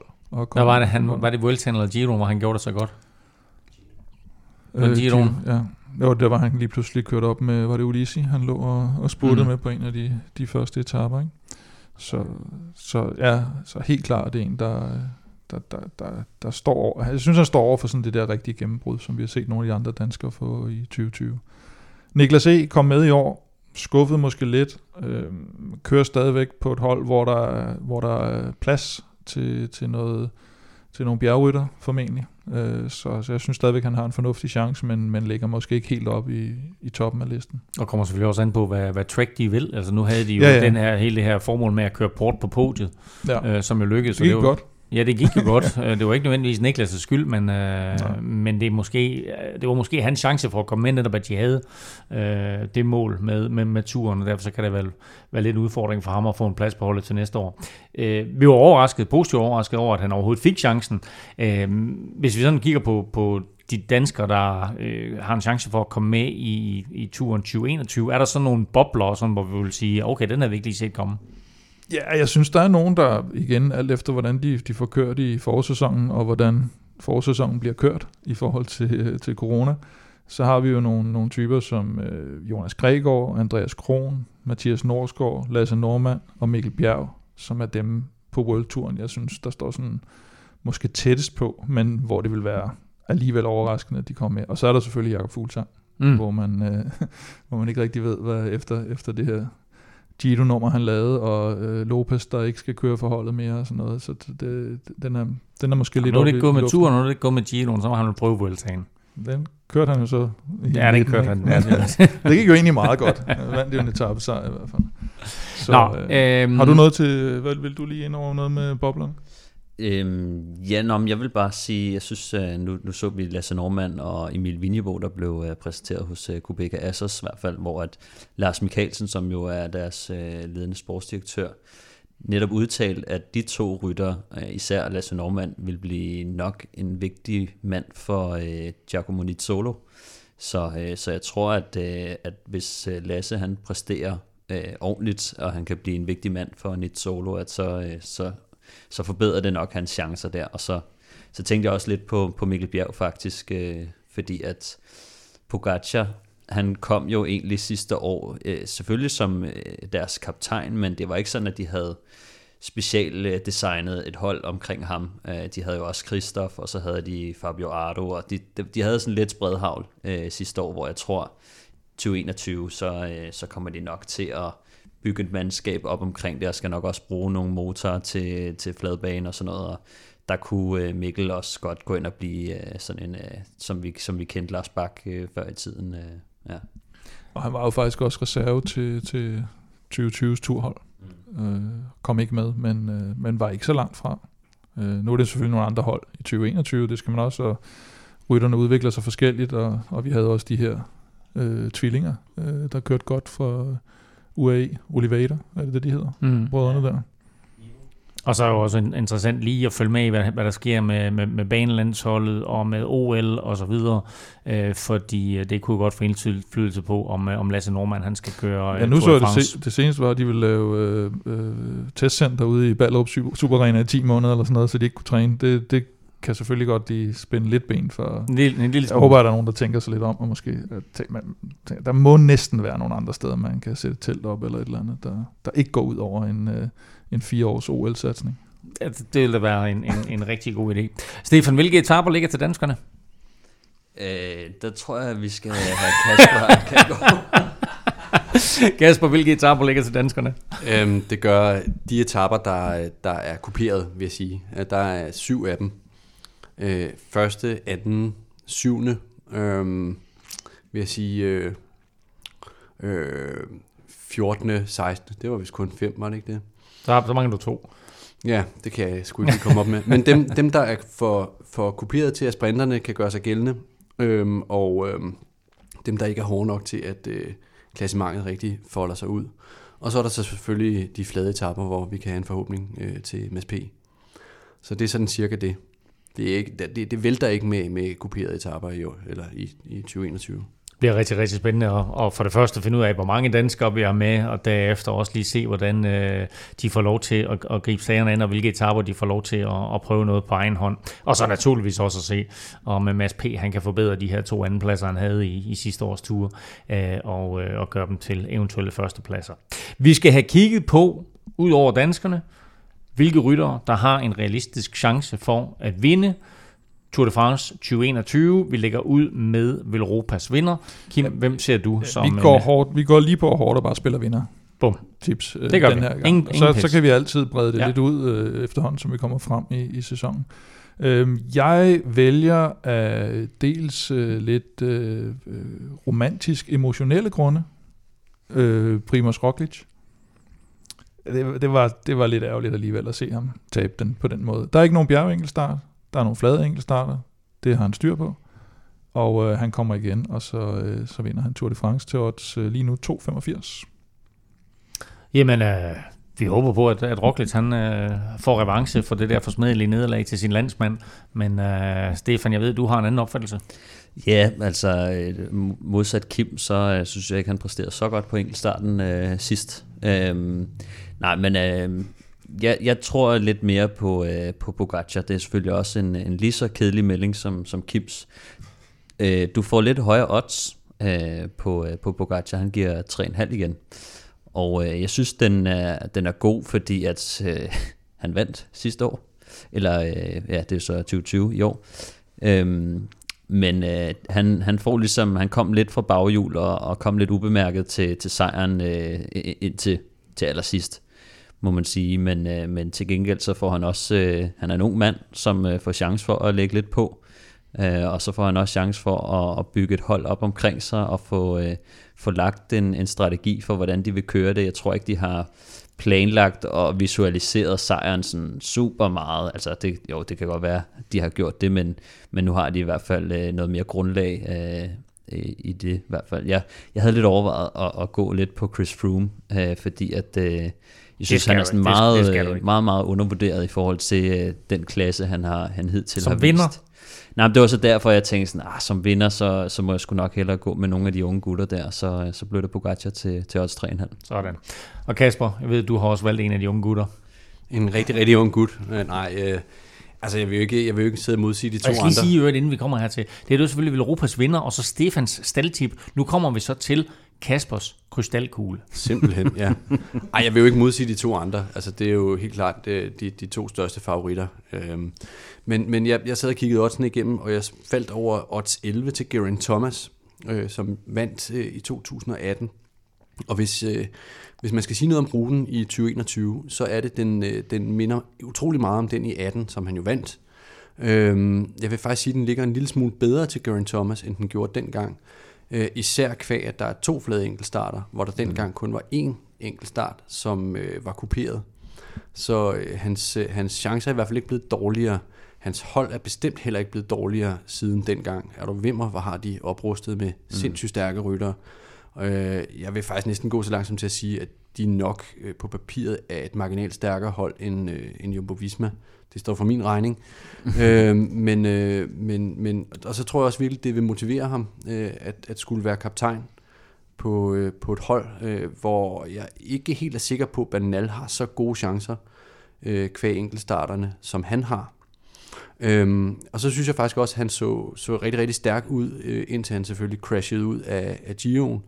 Han kørte sindssygt godt i Tirreno, og øh, blandt favoritterne i, øh, i Gio'en var han den, der gjorde det suverænt bedst på den første enkeltstart, hvor han vist blev nummer 4 eller sådan noget, mm. tror jeg.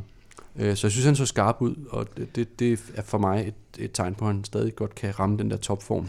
Jeg tænkte på en ting i forhold til ham og i forhold til Ineos, det er, at hvis de kommer med de her to kaptajner, altså Bernal og Geraint Thomas, de er jo to vidt forskellige øh, ryttertyper, Øh, så der må være en eller anden form for splittethed i forhold til, hvordan de skal angribe det der, fordi at Bernal skal ud og hente tid, og Geraint Thomas skal køre lidt defensivt. Øhm, hvordan skal holdet så øh, gribe det an? Altså, det, det er sådan lidt det, jeg tænker, at at øh, enten så kører de steady, og så får Bernal bare lov til at, at lege lidt, eller også så, øh, så skal de gå virkelig aggressivt øh, ind på, på bjergetapperne, og så kan det være, at Geraint Thomas han, han ryger lidt ud af bagdøren. Så der er sådan lidt, synes jeg, øh, lidt, lidt splittet i forhold til, hvilken strategi man skal, skal gå med der. Ja, ja det, det, jeg tror det også, det kommer til at give nogle hovedbrud. Øh, altså, jeg tror, de, øh, de kommer til at lægge sig fast på et eller andet efter den første bjergetappe. Fordi ja. der har vi set, hvordan, øh, hvordan de hver især har kørt øh, på enkeltstarten, så man ligesom kan kalkulere frem og se, hvor meget kan de vinde. Og så se, øh, er Banal suverænt meget stærkere end, end Thomas på første bjergetappe, så er det klart, så det hans ja, kurve, de skal lægge ind i. Øh. Men det er faktisk meget, meget smart, du siger det, fordi at, at enkeltstarten, altså der kommer ikke så mange problemer i en enkeltstarten, øh, så der vil Geraint Thomas jo lægge sig forholdsvis øh, højst sandsynligt bedre end Banal, og på den måde vil, vil han være deres bedste mand i, øh, i klassementet. Øh, Men spørgsmålet er, om der overhovedet bliver plads til en britte på det britiske ja, hold. det er jo så det. Øh, eller om de går med, med Sydamerika. Øh, der vejen. er odds 12 på, øh, på Egan Bernal som vinder. Der er odds 25 på Carapaz som vinder. Mm. Og øh, skal vi lige have, øh, ud over de tre der, hvis vi lige skal have Claus' kub også, ikke? så giver Sepp Kuss odds 60. Bum. Det her, det var spiltips for Tour de France 2021, bragt i samarbejde med oddset fra Dansk Spil. Der er lang tid til vi finder ud af, hvem der vinder Tour de France 2021. Men lige nu, der skal vi have fundet vinderen af quizzen 2020. Der er ikke blot to mand i spil, der er tre mand i spil, fordi vi sådan helt uortodokst har fået Kasper en Kagor ind fra sidelinjen til årets sidste podcast. Øh, så den fik du timet godt, både med baby og det hele. Spørgsmålet var til jer. Hvor mange kilometer er der samlet i årets Tour de France? Måden vi finder vinderen på, det er, I har givet mig, I har givet mig et bud. I 2021-udgaven. Tak for det, Kim. Øhm, I har givet mig et bud, og øh, så finder vi ud af i forhold til øh, det bud, I har givet mig, hvor mange kilometer I fra, og så trækker vi faktisk det fra jeres samlede score. Så øh, Kim, du starter på 42 point, Stefan, du starter på 39 point, og Kasper, du starter på 0 point. Jeg starter med din her, Stefan. Øh, det første bud, du... Ej, jeg kan lige fortælle først og fremmest, at øh, det nøjagtige antal kilometer, der er i årets Tour de France, er 3.383. Hmm. 3.383. Mm-hmm. Stefan, øh, dit første bud her var 31.252. ah, du, fanger, du fanger så heldigvis selv fejlen og øh, siger 3.152. Jamen, det, det var simpelthen... Øh, det var fordi du læ- det kom, kom, det forkerte Ja, sted. var en- altså, jeg var ude i decimalen, Ja, præcis, øh, du- så jeg kunne ja, bare til at sætte decimalen lidt. lidt. Øh, lidt forkert. Kim, du øh, ændrede også dit bud undervejs. Først så havde du 3350, det var for lidt. Så tog du 3500, det var for meget. Øh, og dermed så er du øh, lidt tættere på end, end Stefan. Og Kasper, du sagde 3340 km.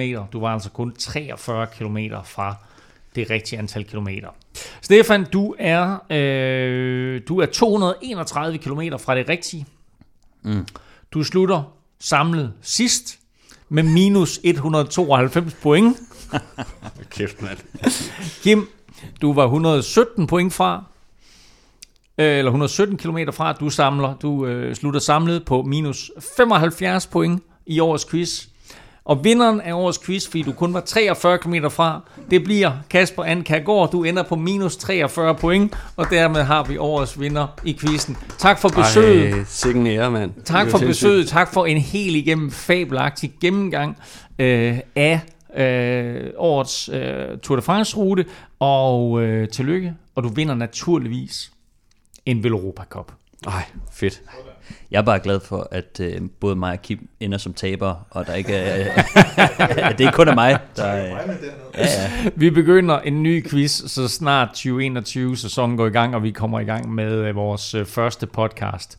Vores Tour de France 2021 special er forbi. Vi er tilbage igen en gang i det nye år, øh, når sæsonen forhåbentlig nærmer sig.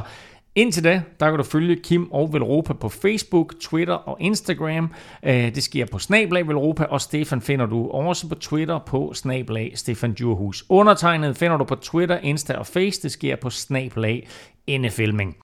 Husk at besøge vores nye shop. Du finder den på shop.velropa.dk. Og ved du ikke helt, hvad du skal lytte til lige nu, må jeg så anbefale Born Unplugged, podcasten om dansk politik, eller NFL-showet, hvor Thomas Kvartrup og undertegnet hver uge tager pulsen på NFL-sæsonen, der jo som bekendt nærmer sig slutspillet. Tak for nu. Tak fordi du lyttede med. Tak til vores støtter på tier.dk og naturligvis vores partnere Zetland og også fra Danske Spil. Vi håber på et bedre 2021 og glæder os til, at vi lyttes ved. A bientôt.